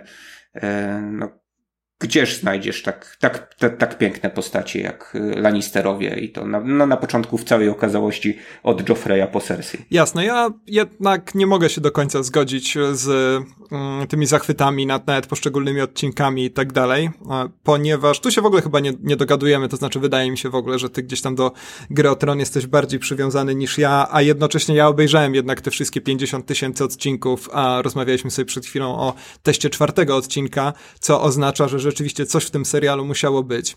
Kiedy Gra miała premierę, kiedy zaczynał się jeszcze pierwszy sezon, to czytałem w takim tworze jak gazeta telewizyjna, nie wiem czy ktoś z was jeszcze pamięta taki dodatek do wyborczej, on się pewnie zresztą ciągle ukazuje, e, jeżeli tak to fajnie, ponieważ od czasu do czasu można tam było coś fajnego przeczytać, jak na przykład wywiad z Martinem, albo z żoną Martina, nie pamiętam, e, w którym było wyraźnie powiedziane, że Martin sparzył się na współpracy z przemysłem telewizyjnym, przemysłem filmowym, on pisał niektóre odcinki Strefy Mroku i tak dalej i nigdy tego nie lubił. I Greotron pomyślał sobie jako serię powieści, których nigdy nie będzie dało się nakręcić. I że dopiero gdzieś tam idea serialu, takiego rzeczywiście, który ciągnie się niemal w nieskończoność, go przekonała. E, według mnie, czy Martin chciał, czy nie, rzeczywiście w jakiś sposób udało mu się to osiągnąć. E, I znowu, nie będziemy tutaj, tak jak w przypadku też paragrafu 22, porównywać sobie książki do filmu czy do serialu, no bo to są dwa zupełnie inne twory i porównywanie ich, myślę, nie jest uprawnione, a, a, ani pożyteczne w jakiś taki szczególny sposób, ale ja przeczytałem te książki wszystkie, e, przeczytałem je już po premierze serialu, sam się sobie dziwię, ponieważ Martin nie jest szczególnie dobrym pisarzem. To jest człowiek, który używa onomatopei w swoich powieściach i na przykład kiedy zapisuje zdanie słychać było dęcie wróg, to w tym momencie pisze io, io, io na przemian wielkimi i małymi literami. A kiedy pisze o huku bębnów, to pisze dum, dum, dum, dum, dum, dum. No, to jest coś oczywiście, co trudno przetrawić, ale on w Grze o Tron miał jedną, czy też w Pieśni Lodu i Ognia, miał jedną fascynującą strategię narracyjną, która mi się ogromnie podobała i która sprawiła, że przeczytałem cały, cały ten cykl, to znaczy to, co Martin do tej pory napisał. E, mianowicie on sobie wyobrażał tę historię, czy też siebie nawet jako narratora, jako człowieka albo nie człowieka, pytanie kim jest narrator w literaturze, na, który patrzy po prostu z wielkiego oddalenia na mapę Westeros i od czasu do czasu, y, często zdawałoby się w zupełnie losowy sposób, robi takie w cudzysłowie zbliżenia na dany obszar i na historię, którą, która się tam odbywa. I wiele takich ważnych elementów, ważnych momentów zwrotnych, które na przykład były w serialu, w książce, y, w książce dowiadywaliśmy się o nich z drugiej czy z trzeciej ręki, na przykład jak to, że tam, nie wiem, planują na przykład akcję odbicia więźniów, no i w tym momencie, kiedy zaplanują tą akcję, rozdział poświęcony temu akurat się kończy i powiedzmy 100 stron dalej, niemal przez przypadek dowiadujemy się, że to się nie udało. E, I to tworzy taką rzeczywiście fantastyczną mm, sytuację krajobrazu wojny, gdzie jesteśmy takim niemal wolnym obserwatorem, oczywiście jesteśmy kontrolowani przez narratora, który przeskakuje sobie z miejsca na miejsce i z tych pucli usiłuje ułożyć sobie jakąś całość. I to mi się strasznie podobało. To jest coś, co, no za co Martinowi jestem, jestem szczerze wdzięczny i nawet te onomatopeje mu sadyzm, sadyzm literacki, tak? To tak, to znaczy ucięcie postaci, ale też ucinanie tych takich y, kulminacji, tak? No nie to zawsze znaczy oczywiście, tego... ale było kilka takich momentów. Coś takiego zostało zastosowane w ósmym sezonie, w ósmym odcinku ostatniego, przepraszam, w siódmym odcinku ostatniego sezonu, kiedy dowiadujemy się, że Jamie został pojmany. Dowiadujemy się o tym tylko, nie, nie widzimy tego, prawda? Tak jak zresztą, tak, tak jak byłoby to pewnie w klasycznej, w klasycznej opowieści. To jest taki rasowo-martinowski zabieg, który ogromnie mi się spodobał i tu aż, aż się Jasne, zdziwiłem. z, z, tym, że, z tym, że czym innym chyba podbudowany w tym, tak, tak, no, w, tym sezonie, Jasne, w którym to... trzeba było skracać pewne rzeczy. Osobno. Ale... Na, natomiast jeżeli miałbym tutaj ale tylko powiem, takie odniesienie... Czemu, czemu, mhm. czemu właśnie jakby w serialu była próba przełożenia tej strategii, ale w pewnym momencie wydaje mi się już tak bardzo zagubili się w tym mnożeniu wątków i postaci, że według mnie to było bardzo często nieoglądalne. Nawet jeżeli te postacie były interesujące, to bo, ponieważ pokazywały się na 5 minut na ekranie, na 54-minutowy odcinek, to nie były w stanie mnie jakoś e, szczerze zainteresować. E, kiedy oglądałem sobie siódmy, ósmy sezon, to ja połowy z tych postaci nie rozróżniałem e, i uważam, że tak naprawdę mimo tych właśnie sześciu sezonów budowania postaci, a w każdym razie tak się o tym mówiło, to to zbudowanie się nie udało po prostu i problemem Gry nie jest siódmy i ósmy sezon, problemem Gry jest sezon drugi, trzeci, czwarty, piąty, szósty, siódmy i ósmy, a pierwszy no, znakomity. Tak, to, to ja tutaj się do pewnego stopnia zgodzę, z, z, zwłaszcza z tym, co, że w drugim sezonie to już e, nastąpiły tego typu akcje, e, które m, pokazywały oddawanie na kilka minut dosłownie w każdym odcinku jakiejś e, ważnej dla scenarzystów postaci e, no, czegoś tam do, do, do, powiedzenia i co sprawiało, że przy tych kilkunastu postaciach no, mieliśmy mętlik. mieliśmy e, no taką, taką dziwną telenowelę, w której skakaliśmy po różnych, e, po różnych miejscach i czasami, e, najczęściej no, w przedostatnim odcinku danego sezonu, to wiodło do jakiejś kulminacji, w której część z tych postaci spotykała się gdzieś, najczęściej na E, polu bitwy.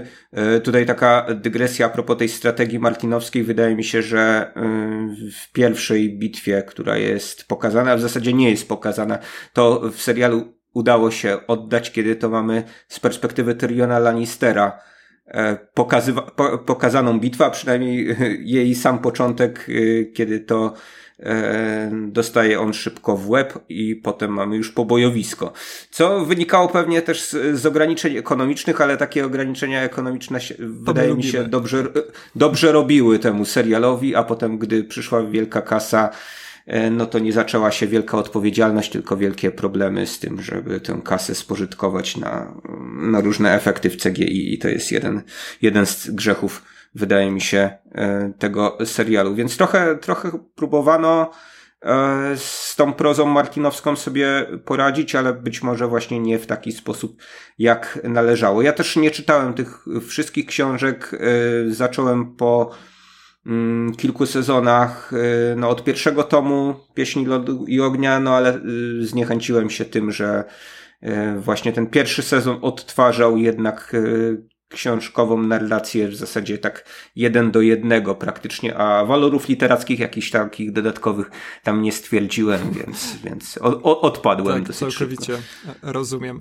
Dla mnie najwięcej mówiącą sceną tego serialu, taką, która podsumowuje go właściwie idealnie w kilku minutach, jest scena z ostatniego odcinka serialu, scena, w której Tyrion rozmawia z Johnem w lochu i opowiada mu historię. Opowiada mu historię o Daenerys. Opowiada mu historię małej dziewczynki. E, w książce oczywiście jest ona młodsza niż w serialu, więc może dziewczyny skupmy się na tej serialowej wersji, bo ta, o tej wiemy jak skończyła.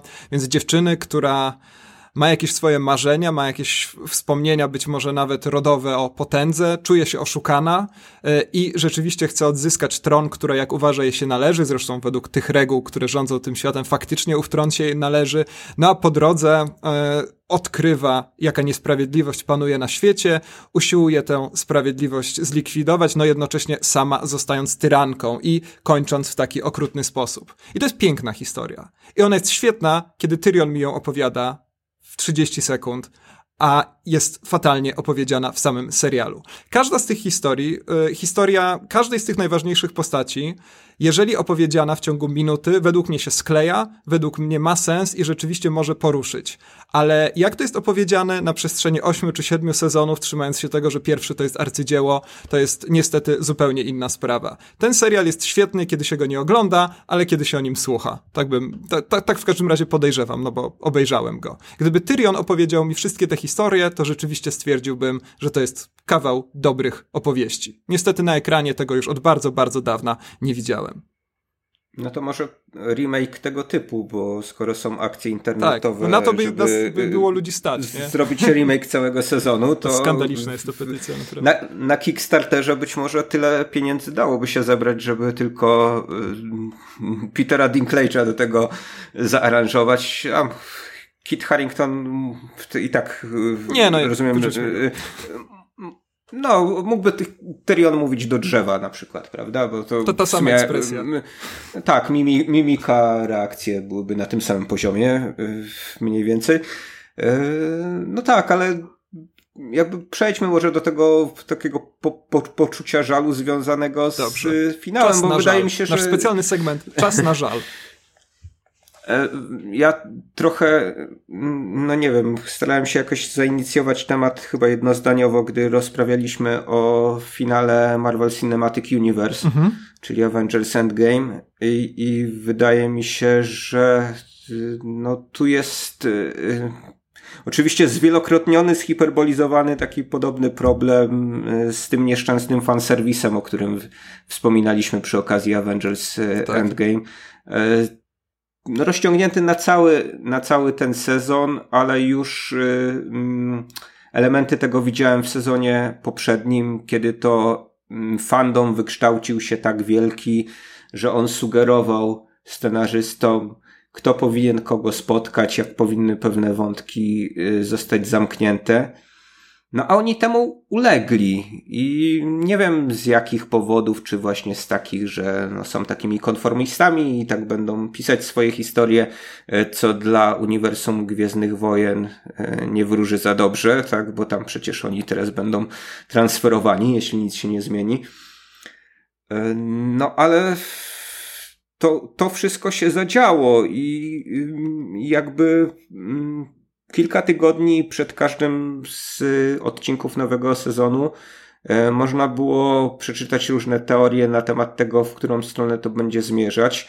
No i większość tych teorii jakby znalazła potwierdzenie w tym, w tym serialu, co widzę no, jako jakiś taki problem naszych czasów, tak? To znaczy, e, czy rzecz realizowana za grube miliony, ma spełniać e, wolę większości, to znaczy być rodzajem czegoś, co kiedyś próbowano w kinematografii zaimplementować, jakiegoś takiego filmu interaktywnego, gdzie e, ludzie będą głosować guzikami na sali kinowej, czy w tym przypadku komentarzami na forach, w którą stronę chcą, żeby dana historia zmierzała.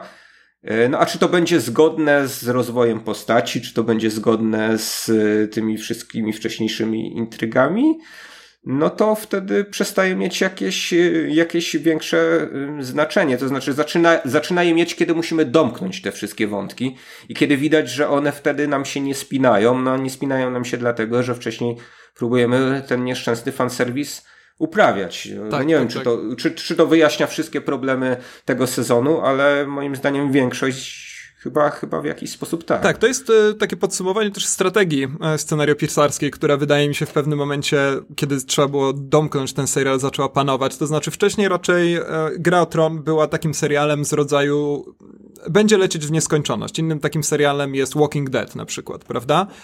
To znaczy, no tutaj jeszcze mieliśmy tę sytuację, że pierwowzór książkowy nie został skończony, nie wiadomo kiedy się skończy, w pewnym momencie, albo inaczej, w tym momencie, kiedy książka i serial już oficjalnie się rozeszły, to znaczy serial doszedł dalej niż książka, no to w ogóle wydawało się, że to może lecieć w nieskończoność. Jeżeli masz taką perspektywę, no to bierzesz sobie swoich bohaterów, tutaj trochę naśladuję, czy też my, myślę, co myśleli sobie scenarzyści, bierzesz tych bohaterów, wrzucasz wrzucasz ich w różne sytuacje, sprawdzasz jak reagują, sprawdzasz jakie tam się pojawiają napięcia, konfrontacje i co się z tego wyłania. Y, kiedy nagle musisz skończyć serial, to po prostu masz listę rzeczy do odhaczenia, także niestety narzuconych przez fanów i to właśnie z tego wziął się, wydaje mi się, ten siódmy i ósmy sezon. Być może gdyby on działał jako jeden sezon, tak jak kiedyś pierwotnie było założone, to wyglądałoby to lepiej. Ale wydaje mi się, że tam, był taka, tam była taka zmiana po prostu nagle i od takiego swobodnego krążenia i eksploracji nagle przeszliśmy do takiego bardzo wyrazistego celu. E, I to jest coś, co, co myślę bardzo negatywnie na to wpłynęło, choć nie jestem też fanem tej poprzedniej strategii, no tak jak, tak jak mówiłem wcześniej. Tak, no, poprzednie sezony to nie jest arcydzieło, nie oszukujmy się. Niewątpliwie jest tak, że narracyjnie ten serial bardzo przyspieszył no, co nie wyszło mu na dobre, natomiast wcześniej też y, zaczęła być dostrzegalna i odczuwalna no, pewna stagnacja, tak? To znaczy wynikająca z tego y, rozsypania tych bohaterów po świecie Westeros, że znaleźli się w różnych miejscach, część na północy, część na murze, część na południu, gdzieś tam w King's Landing, a część jeszcze w zupełnie innej części świata na wschodzie, jak Daenerys. E, no i wcześniej problemem było to, że każdy z tych bohaterów właśnie dostawał te kilka minut, żeby jakieś tam swoje działania wykonać, które w konsekwencji miały go e, zaprowadzić no, bliżej tego tytułowego tronu, czyli no, oni się jakoś koniec końców wiadomo, że mieli w tym King's Landing spotkać, no ale jednak y, sygnalizowano, że no, złe kilometry dzielą ich, cytując e, klasyków, i że jest tak daleko, i że tutaj morza trzeba przemierzyć pustynię, zbierać armię, e, doskonalić się w sztuce wojowania, czy też zostać wielką asasynką, zanim nasza misja się dopełni. E, no to trwało, trwało, trwało i też wydaje mi się, że eskalowało jakieś takie właśnie napięcie negatywne w pewnym momencie wśród fanów. No ja znowu nie chciałbym wszystkiego na fanów yy, zrzucać, ale ja miałem na przykład takie, tak, takie wrażenia, że no jednak yy, na przykład taka podróż Daenerys trwa zbyt długo i to, że rozdrabniamy się na to, że ona tam wyzwala kolejnych Tak, jak ona po raz kolejny jej się nie udało wypłynąć, to ja już... krzyżuje kolejnych panów i zbiera kolejną armię tak zwanych dzikich, tak, no, że to trwa za długo i może ona by już jednak ruszyła tam na tych Lannisterów i potem swój no to masz, co e, tron no. żelazny. No właśnie, ale potem, gdy oni wszyscy ruszyli, okazało się, że istnieją dwa problemy, no bo to nie chodzi tylko o to, że e, trzeba się zmierzyć e, w wojnie e, siedmiu królestw, czy ile ich tam ocalało do finału o ten właśnie żelazny tron, ale jeszcze mamy problem tych e, nieumarłych tak, White Walkersów tak, tak, z, z północy, no, który, który stał się właśnie w pewnym momencie jakimś takim głównym problemem. E, dla mnie od razu powiem, że mogłoby go nie być w ogóle, to znaczy ja tu chyba już kiedyś wykazywałem się e, tym, że bardzo nie lubię motywu zombie w popkulturze.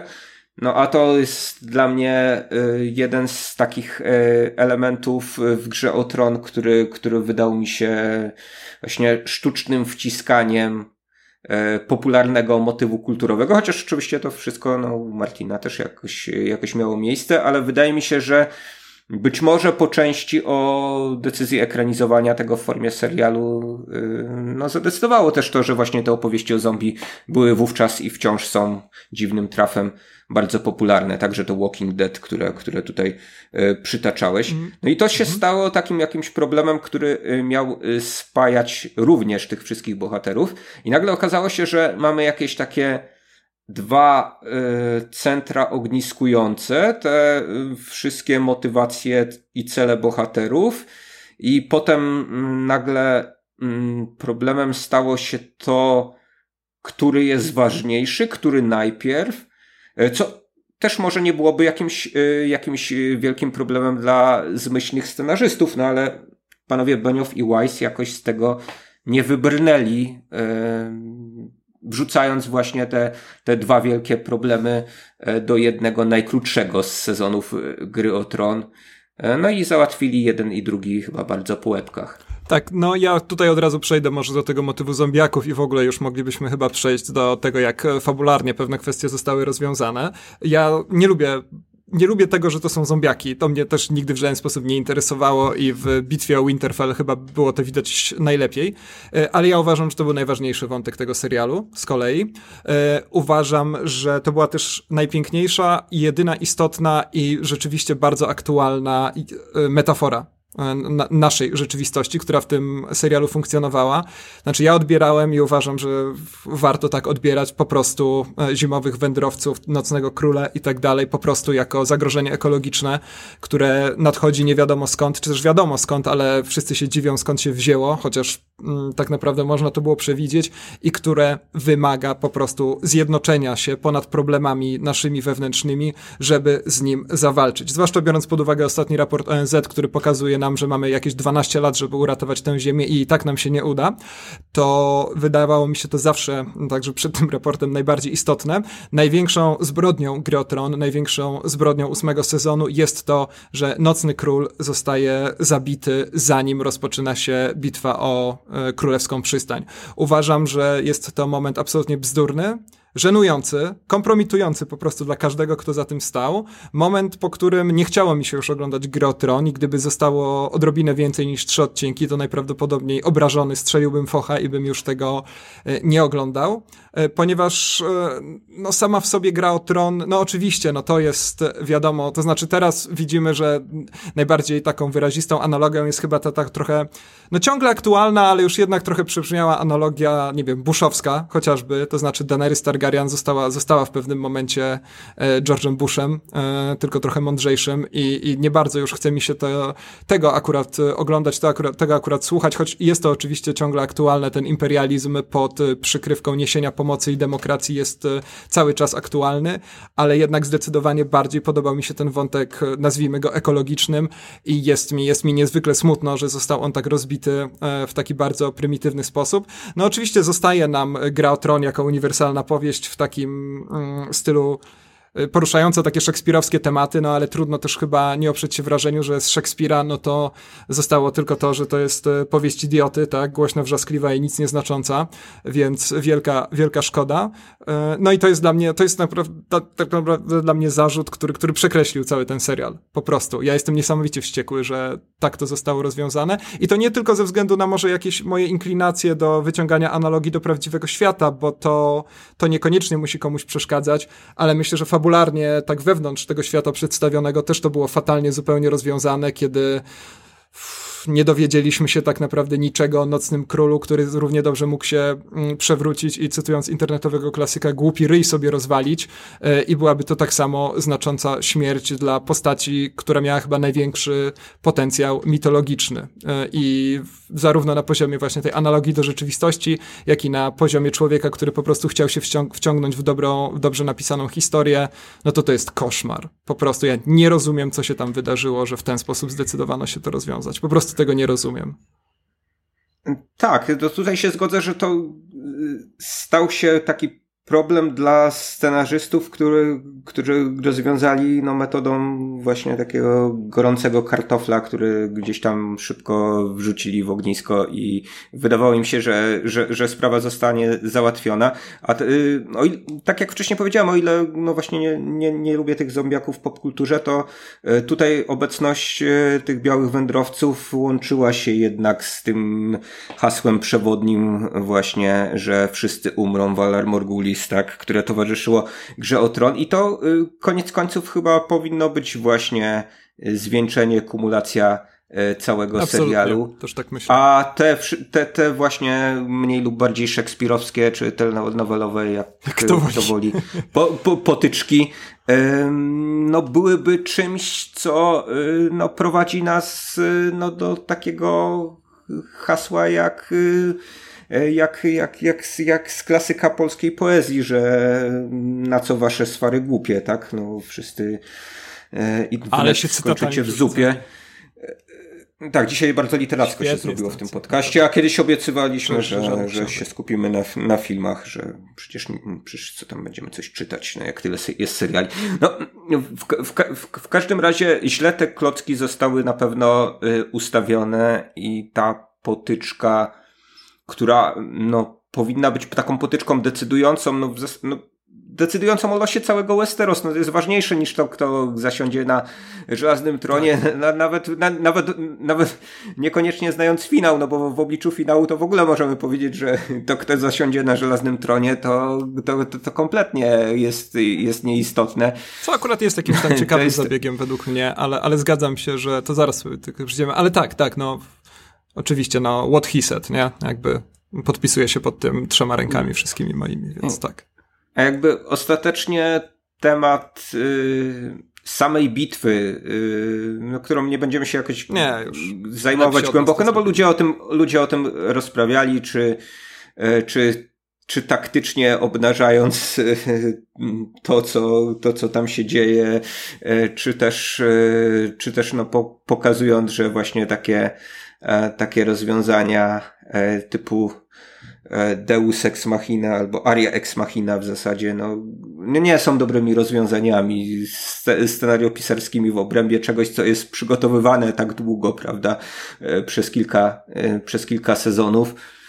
No więc no nie na takich zaskoczeniach, nie na takich twistach powinna być ta opowieść kończona. No a kończy się właśnie znowu jakimś takim absolutnym przyspieszeniem, jeśli chodzi o e, zmianę charakteru no, postaci, która była e, no, przez, przez lata najistotniejsza, czyli to postaci e, Daenerys. Znowu y, to jest no, taki problem, na który wielu odbiorców tego serialu wskazywało, więc ja może się nie będę jakoś rozwodził na, e, na temat tego, jak szybko Daenerys staje się szaloną królową. E, natomiast, y, no nie wiem, być może e, w tej całej szkole scenariopisarstwa hollywoodzkiego no, powinien, po, powinien pojawić się jakiś zmyślny profesor, który uczyłby także tego, jak e, rozłożyć na tak wielosezonowe dzieło no takie, takie podstawowe rzeczy, które, które wcześniej wiadomo, wiadomo było jak rozłożyć w obrębie e, jednego filmu, bądź też serii filmu. E, no być może to scenarzyści tego tego nie potrafią jeszcze, tak? Że, a, być, a, być, a być, może, być może jest tak, że po prostu żaden, żaden serial nie powinien mieć więcej niż pięć sezonów. No to, tak? to... Pięć jest liczbą magiczną i wiadomo, że Breaking Bad, The Wire miały pięć sezonów, a wszystko, co ma więcej niż pięć sezonów. O, udało się nie wprowadzić to The Wire do dyskusji. Zastanawialiśmy się przed nagraniem, czy uda nam się to wpleść. No i proszę, udało się. Tak, chcieliśmy uspokoić naszego słuchacza, że o starszych serialach HBO kiedyś może sobie porozmawiamy jakoś dłużej w jakimś takim dziale klasyki po latach. E, Polaka. Natomiast e, też. Klasyka też. Polaka po latach. Z, z, znajdziesz swoją drogą jakiś serial, który ma więcej niż pięć sezonów, a był dobrym serialem? E, wiesz, że musiałbym chyba sobie otworzyć film po prostu i, i posprawdzać wtedy, ale chętnie podejmę to wyzwanie. Będzie to moje kolejne zadanie dzisiaj na e, wieczór, aczkolwiek już przewiduję teraz, że pewnie polegnę. E, dobra, przejdźmy sobie może rzeczywiście do tego, w jakiej sytuacji jest teraz Westeros, jak to się wszystko pokończyło i tak dalej, i poszczególne postaci, nie tylko sama kraina. Powiedziałem, że najważniejszą dla mnie sceną jest i taką która rzeczywiście podsumowuje pewne strategie opowiadania, jest ta, w której Tyrion opowiada właśnie historię Daenerys, ale jest w tym serialu, w tym odcinku ostatnim druga scena, w, którym, w której Tyrion opowiada pewną historię. I to jest scena, w której Tyrion opowiada historię Brana, oczywiście e, chcąc, żeby ten został, no w cudzysłowie, osadzony na, na, na żelaznym tronie, czy też e, krześle jakimkolwiek, ponieważ żelaznego tronu na szczęście zresztą już wtedy nie było. E, I to jest e, znowu znakomity przykład tego, co w tym serialu przez te ileś tam lat się nie udało, ponieważ Bran na tronie to jest e, fantastyczna znowu metafora. Ponieważ faktycznie Bran ma być jak dla mnie w każdym razie, wydaje mi się, że taka była intencja, tym właśnie, zresztą to zostało chyba powiedziane bezpośrednio, tym symbolem pamięci, tym, co łączy przeszłość z przyszłością, a przede wszystkim, co każe nam pamiętać o, o naszych własnych błędach i na tym być może spróbować zbudować nowy, lepszy świat. I Bran, jako, jako Bran sam w sobie, to jest e, wspaniała metafora, po prostu. Tylko, że Bran nie jest taką postacią, a w każdym razie my o tym nie wiemy. To jest człowiek, który 8 sezonów temu spadł z wieży i od, tej czasu, od tego czasu siedzi na, na, na wózku z zamkniętymi oczami. Ba, był nawet jeden sezon, w którym on się w ogóle nie pojawił. E, I znowu, to jest wspaniała idea, potencjał rzeczywiście ładnej metafory, ale w świecie przedstawionym to się w żaden sposób nie spina. Naprawdę. Ta scena, ten pomysł w tym kontekście jest tak niesamowicie bzdurny, że to serducho ściska. I to tak nieprzyjemnie ściska, nie tak miło ściska. Tak, jakby e, przewidywania były takie, że Bran będzie pełnił bardzo ważną e, funkcję w tym ósmym sezonie. Tak. No i koniec, koniec końców taką funkcję dostał, tylko no, że jakby nie mamy, nie mamy pod, pod, podprowadzenia do tego e, innego niż to, że no, wcześniej przez kilka sezonów już na tronie zasiada, tak? A skoro nie mamy już żelaznego tronu, no to Bran przyjechał na swoim, prawda? Jak to Tyrionowi oznajmia podczas tej groteskowej narady, która jest chyba najgorszą sceną w całym tak. w ogóle serialu Gra o Tron. Bo tam znowu jakaś plastikowa butelka się ponoć zaplątała, ale już to pewnie wymazali. No tam, tam wydaje, wydaje mi się, że tam się zabłąkało wiele postaci, które w ogóle nie powinny, nie powinny tam istnieć, że bu, bu, butelka jest najmniejszym, najmniejszym problemem. Tak. Ej, czemu to jest, jest butelka? Nieważne, czemu to jest książę Dorn. No, jest, jest, jest wujek Edmund, który odzywa ja się nieproszony, tak? Ja, ja w ogóle nie skumałem, to znaczy ta scena sama w sobie jest mogłaby być ok, no bo to jest rzeczywiście to nowe pokolenia, które odrzuca błędy starych e, rządzących, no ale jednocześnie Tyrion został znowu namiestnikiem, co z jednej strony może być oczywiście ciekawe w kontekście tego, że zostaje po to, żeby naprawić swoje błędy, a z drugiej strony to jest takie... Z... Tak, a Bran zostaje królem dlatego, że żadnych nie popełnił wcześniej. Tak, no ale, tu, tak, no ale tutaj problem też polega na tym, że jednocześnie jest to jakaś taka sytuacja z naszego prawdziwego, smutnego politycznego życia, że nieważne ile spieprzysz, i tak ciągle będziesz miał okazję rządzić, prawda? E, Tyrion od trzech sezonów nie podjął ani jednej dobrej decyzji. E, decyzja o wyborze Brana też, e, no nie wiem, tak jak mówię, na poziomie metafory to, to działa świetnie, ale, mm, ale w, no jestem... w rzeczywistym nie. No, no. Je, je, jestem w stanie o tych poszczególnych scenach już chyba tylko memami opowiadać, bo to jeżeli, jeżeli mielibyśmy wskazywać, przynajmniej ja, jeśli miałbym wskazywać na, na na to, co, co najlepsze w ósmym sezonie, to oprócz e, paru e, niezłych muzycznych kawałków na czele z Jenny of Old Stones w wykonaniu boskiej jak zawsze Florence z zespołu Florence and the Machine, no to ten potencjał memiczny, jaki wygenerowała gra o tron w tym sezonie, to w jakiś sposób osładza mi to, czym ten serial się stał. I tutaj w przypadku chociażby właśnie tego, tego Tyriona, no to przypomina mi się nasz, nasz rodzimy mem o tym, że Bron mówi do Tyriona, e, że czasy się zmieniają, a pan ciągle w komisjach. Tak, tak, tak, dokładnie. Po, polecam fanpage, jeżeli ktoś nie zna, ubieram się na czarno, bo jestem z nocnej straży, tak. Z nocnej straży właśnie, no, gdzie, gdzie, gdzie, gdzie mamy jedną jakąś taką nitkę, która się ciągnie i ciągnie i można, można sobie scrollować przez północy. No, ale to nie o to chodziło w tym serialu chyba, żeby generować memy tylko. tak, znaczy, to jest moż, ciekawe, mo, moż, moż, moż, można było, oczywiście, no to, ale to też świadczy o, o tym właśnie, jaki taki mm, mm, wydźwięk społeczny, tak? No, miał, ten, miał ten serial i wciąż ma, tak? Ciekawe, czy po tych y, e, kolejnych y, wersjach różnych opowieści o Westeros, tych planowanych prequelach, tam pięciu chyba, e, czy to będzie dalej tak, e, tak żywotne, czy rzeczywiście mamy do czynienia no, z jakimś takim punktem dojścia internetu, bo niektórzy wieszczą, że to taki ostatni serial, który tak społecznie wszystkich uaktywniał. No, chylę czoła przed niektórymi memami, które, które, które powstały nie tylko o ostatnim odcinku, ale właśnie o tym, o tym całym e, sezonie. E, rozwiązania scenarzystów no, dopraszają się o te, o te memy, bo to jest, to jest naprawdę, naprawdę żałosne, to, że e, idziemy po linii najmniejszego oporu, jeśli chodzi o, mm, e, o, o to, w którym miejscu właśnie zostawiamy te, e, te postacie. Ta scena, którą przywołałeś wcześniej, jeszcze chciałem się odwołać do tego, że Tyrion rozmawia z Johnem. No, Tyrion w ostatnim odcinku jest w ogóle człowiekiem, który rozmawia z innymi ludźmi, a inni go słuchają. No, do tego można sprowadzić w zasadzie cały, cały ten odcinek. Wszystkie jakby ważkie decyzje podejmowane w finale E, wynikają z tego, że Tyrion jakimś cudem przeżył, chociaż Daenerys powinna go wcześniej zabić, tak? No bo przecież już jest szaloną królową, nie znosi sprzeciwu i jeżeli ktoś nie jest z nią, to powinien umrzeć. No, a tutaj najpierw mamy scenę wielkiego focha przed całą armią Daenerys, tak? Czyli yy, no tak, Tyrion tak, na, tak. na schodach imperatorowej wyrzuca y, insygnia świadczące o tym, że jest właśnie jej y, prawą ręką, no i no a potem, potem Tyrion mówi Johnowi, no bo John przecież sam nie zrozumie, kim tak naprawdę jest Daenerys, no więc więc John robi swoje, a potem Tyrion mówi tej całej, całej radzie złożonej z mniej lub bardziej przypadkowych osób, e, co ona powinna postanowić. E, no i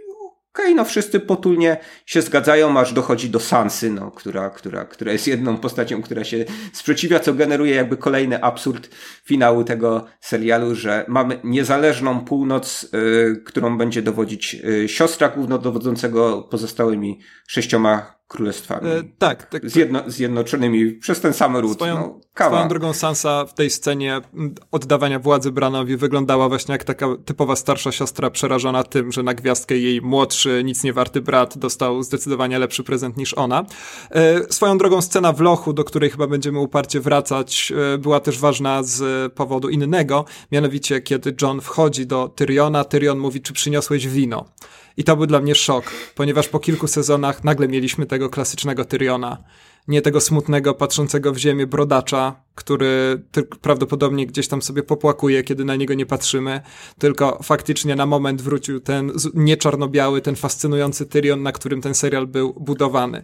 No i cieszę się, że ostatnim słowem, jakie Tyrion powiedział w Grze o Tron jest słowo burdel.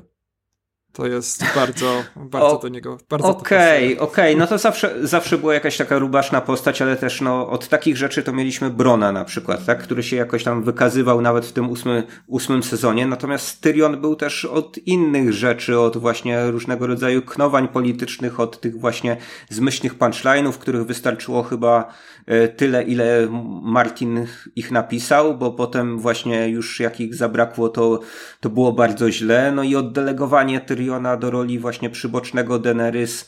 E, potem jeszcze razem z Varysem, który no, był drugim intrygantem, ale tak naprawdę tutaj no, wrzucono do jednej komnaty dwóch i jeszcze no, nie napisano im żadnych porządnych dialogów, no było tak, było, tak, oczywiście. To pokazem, pokazem takiej indolencji scenariopisarskiej. Uśmiercenie Littlefingera kolejnym, no bo tam trzeba byłoby już trzeciej E, przy trzeciej postaci się zastanawiać, dlaczego ten człowiek, który kiedyś był taki inteligentny, teraz podejmuje e, głupie decyzje.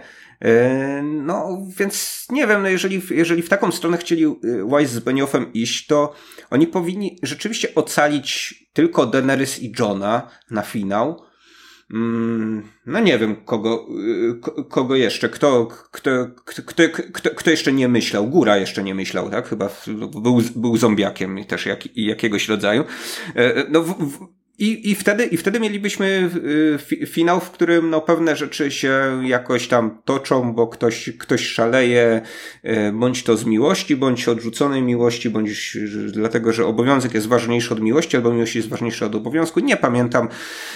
No ale y, po co nam te wszystkie postacie, które, które wcześniej no, podejmowały jednak racjonalne decyzje, albo przynajmniej no, kierowały się jakimś własnym interesem, który były w stanie uwiarygodnić na ekranie. Mhm. Tak, tak, tak. No oczywiście, no to są te problemy, wokół których już teraz mm, krążymy cały czas. Um, Ciekawe pewnie było, ciekawie, pew, ciekawa pewnie byłaby dyskusja o tym, w jakim miejscu teraz Westeros jest, Westeros, przepraszam, jest w kontekście politycznym, bo wydaje się, że tam jest jakaś próba, to znaczy w ogóle cały ten serial wydaje mi się zmierzał w dużej mierze do tego, żeby właśnie pokazać, że musimy jakąś alternatywę dla tyranii stworzyć, że właśnie władza autorytarna, monarchia absolutna, no bo tak właściwie chyba wszystkie, z wyjątkiem żelaznych wysp, miejsca w Westeros były skonstruowane, to to jest coś, czego absolutnie trzeba unikać i nawet najszlachetniejsze intencje przy tak nieskończonej władzy potrafią człowieka zdegenerować, co wydarzyło się Daenerys, choć znowu lepiej, jeżeli słuchamy Tyriona, który o tym opowiada, niż kiedy oglądamy te kilka sezonów. No i teraz rzeczywiście, no takim dość mocnym, mocną sceną tego, tego serialu jest rzeczywiście to, że Bran na to posiedzenie e, małej rady zostaje wprowadzony tylko na chwilę, po czym, po czym wyjeżdża stamtąd, jakby całkowicie akceptując tą swoją rolę jako symbol. No i w ten sposób powstaje nam coś jakaś taka mocno niedorozwinięta monarchia konstytucyjna. Konstytucji oczywiście nie ma, jakoś się tam to zmienia właśnie pewnie te napięcia na to, że mamy jakąś grupę, która rządzi, a król jest tylko symbolem, co nie zmienia faktu, że ciągle mamy grupę um, uprzywilejowaną, elitarną, składającą się zarówno z kilku osób e, i jedyne co jest, no to co jest lepsze, no to to, że teraz już rzeczywiście, tak jak mówił Warys, nie będzie trzeba rzucać monetą, kiedy rodzi, rodzi, się król z jakiejś dynastii, bo on rzeczywiście będzie miał władzę nieskończoną. Także nieźle, zrobiliście jedną czwartą no. kroku naprzód. E, kibicuję. Kibicuję okay, wam no jako, jako, że demokracja jest tutaj wyśmiana w takim e, w takiej scenie, no nawet nie z korony królów, to było kabaretowe, tak? E, no to, no to mamy taki system, jaki, jaki, jaki mamy tutaj, e, no ale zauważ, że kto w tej, kto w tej radzie zasiada, no ile jeszcze Davos jest jakimś tam społecznikiem, powiedzmy, no to mamy takiego typowego oligarchę, tak? Czyli Brona właśnie. O tak, to jest, jest, to jest zupełnie zainteresowany odbudowaniem burdeli, no a teraz jest wielkim władcą, tak, Highgarden, no bo obiecywano mu coraz więcej, zresztą no to największy wygrany, tak, tej całej, całej gry o tron, bo co prawda trochę się nałaził z różnymi misjami, ale podbijał stawkę tak. u, u, u, różnych antagonistów, no i w końcu doszedł do tego, że jest już nie tylko Ser Bronem e, z Riverrun, ale także z Highgarden. Tak, y ta scena zresztą przypomina mi bardzo jedną e, ze scen z Czarnobyla, o którym sobie rozmawialiśmy na początku.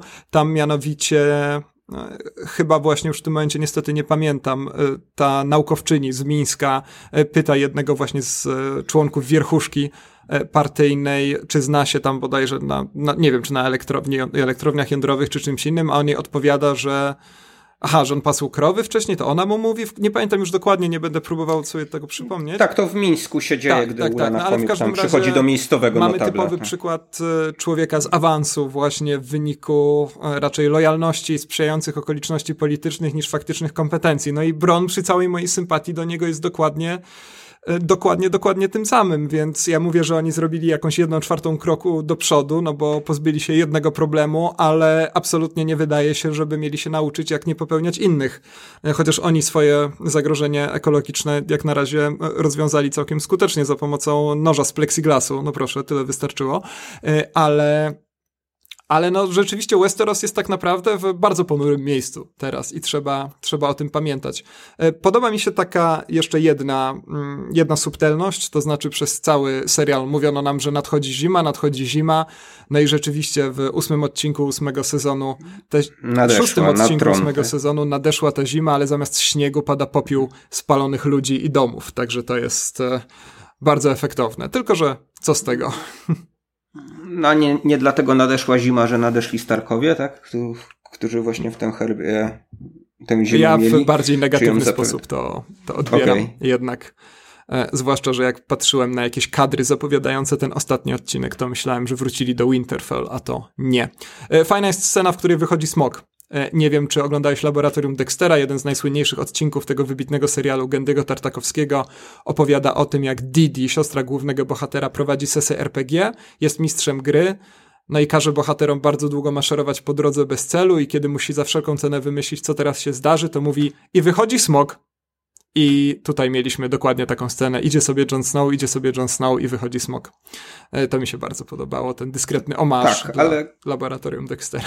Ale, te, ale też nie zabija Johna, bo tak. No może bo, czuję, że to, bo woli, mm, że to woli Targaryen, Targaryen, prawda? E, być może, być może e, tak jest. E, no dobra, Michał, czy, czy coś jeszcze? Aha, może jeszcze, jeżeli, nie wiem, czy chcesz jeszcze powiedzieć coś o samej grze o Tron, bo ja bym chciał krótko wspomnieć o, o innych serialach, które mamy w takiej, a nie innej formie, być może właśnie dzięki grze o Tron.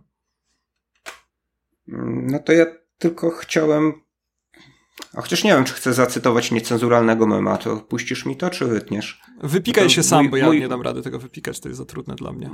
Mój, mój ulubiony, ale nie mogę dlatego, że tam jest rym właśnie Aha, w tym momencie. Powiedz bez tego słówka, to wszyscy zrozumieją.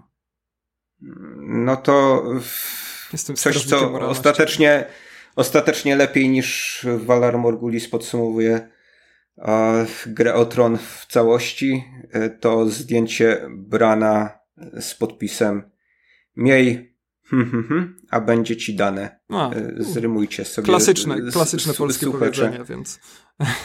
No powiedziałbym, że takim buddyzmem tak, tak, tak. Do, do, do, pewnego stopnia tutaj y, trąciło. Widziałem ale... jakiś taki tatuaż nawet.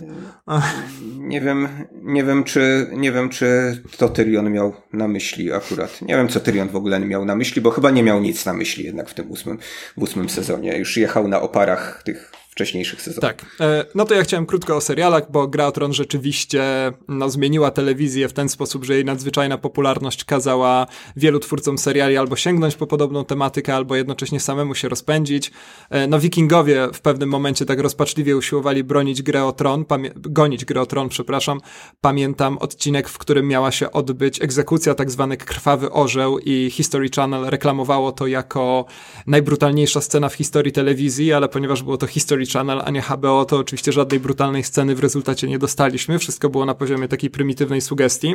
No ale niemniej Wikingowie to jest dobry przykład tego, że gra o tron rzeczywiście mm, każąc twórcom seriali, producentom różnego sortu e, grzebać w różnych takich temat, w różnej takiej tematyce e, historii, miecza, i tak dalej. No rzeczywiście wygrzebało sporo takich tematów, których ja, który, które ja osobiście bardzo lubię. No Wikingowie to jest serial, który gdzieś tam aż do pewnego przełomowego momentu, bardzo przełomowego, nie da się go przegapić.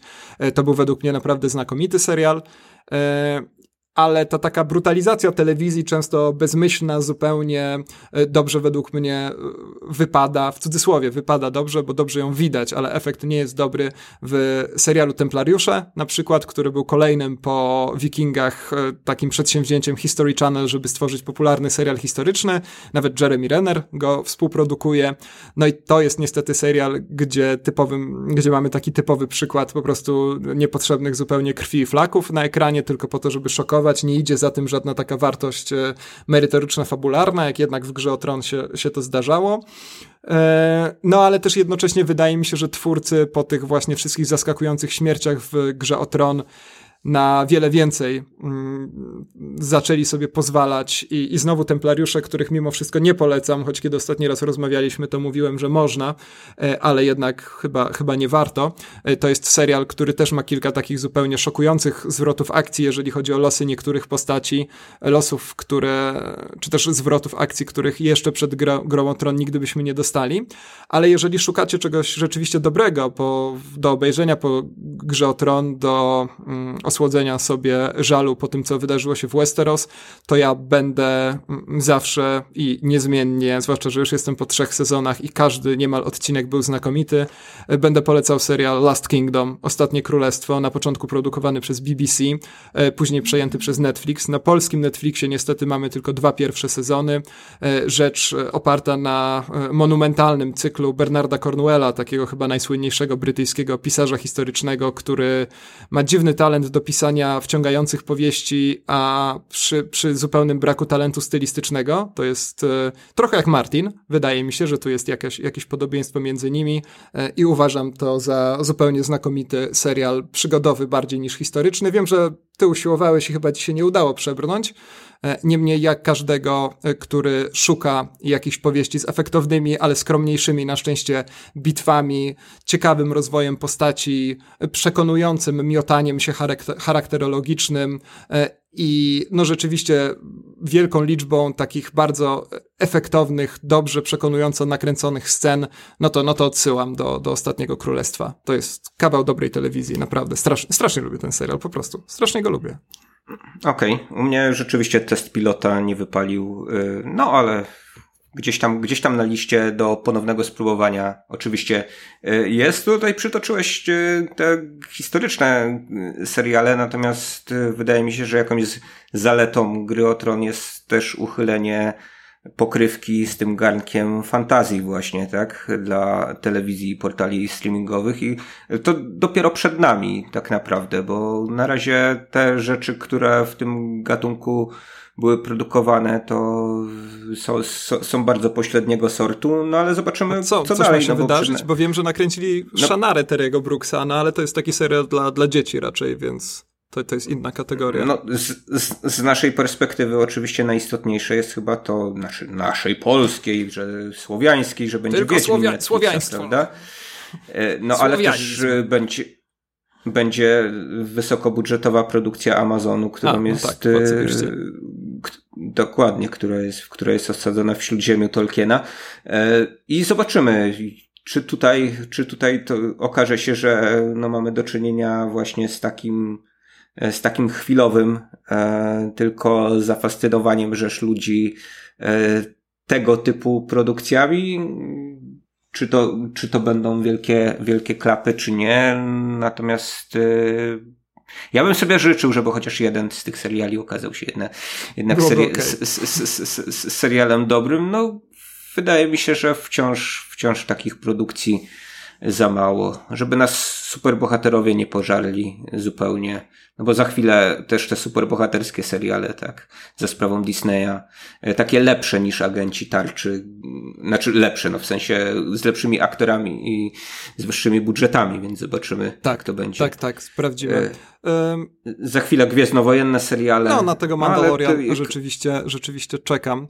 E, myślę, czy to sobie jeszcze coś o, o grze o Tron zapisałem interesującego, ale, ale myślę, że nie. To, co nie przestaje mnie fascynować, to to, że spędziłem 8 czy 9 lat oglądając serial, którego nie lubię. To znaczy, że coś jednak musi w nim być.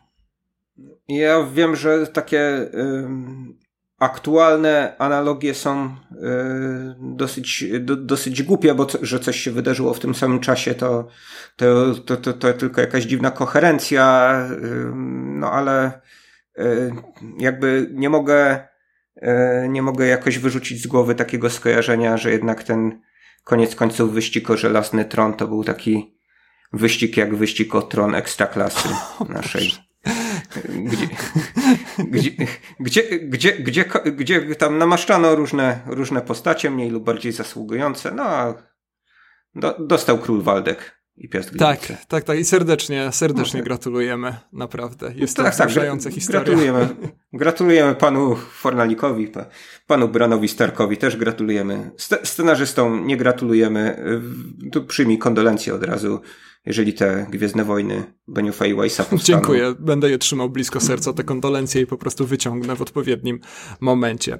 E, no dobra, to co? To kończymy w takim razie. Bardzo serdecznie dziękujemy za wysłuchanie kolejnego monumentalnego odcinka. Myślę, że one no już raczej krótsze to nie będą. I serdecznie zapraszamy do polubienia naszego fanpage'a na Facebooku, do podążania za nami na Spotify i i, i a, nie wiem, wystawienia recenzji na iTunes, no nie, możecie też y, jednej osobie, możecie też jednej wybranej przypadkowej osobie polecić ten podcast, to na pewno e, najbardziej pomoże z tych wszystkich aktywności przypadkowej osobie w tak, tramwaju. Tak, tak, koniecznie. Najlepiej takiej ze słuchawkami z telefonem w ręku, żebyście mogli od razu rzucić się na ten telefon i zasubskrybować jej podcast, tak jak ja robiłem wszystkim moim znajomym na początku e, istnienia tego naszego małego e, przedsięwzięcia. Sayonara żółwie.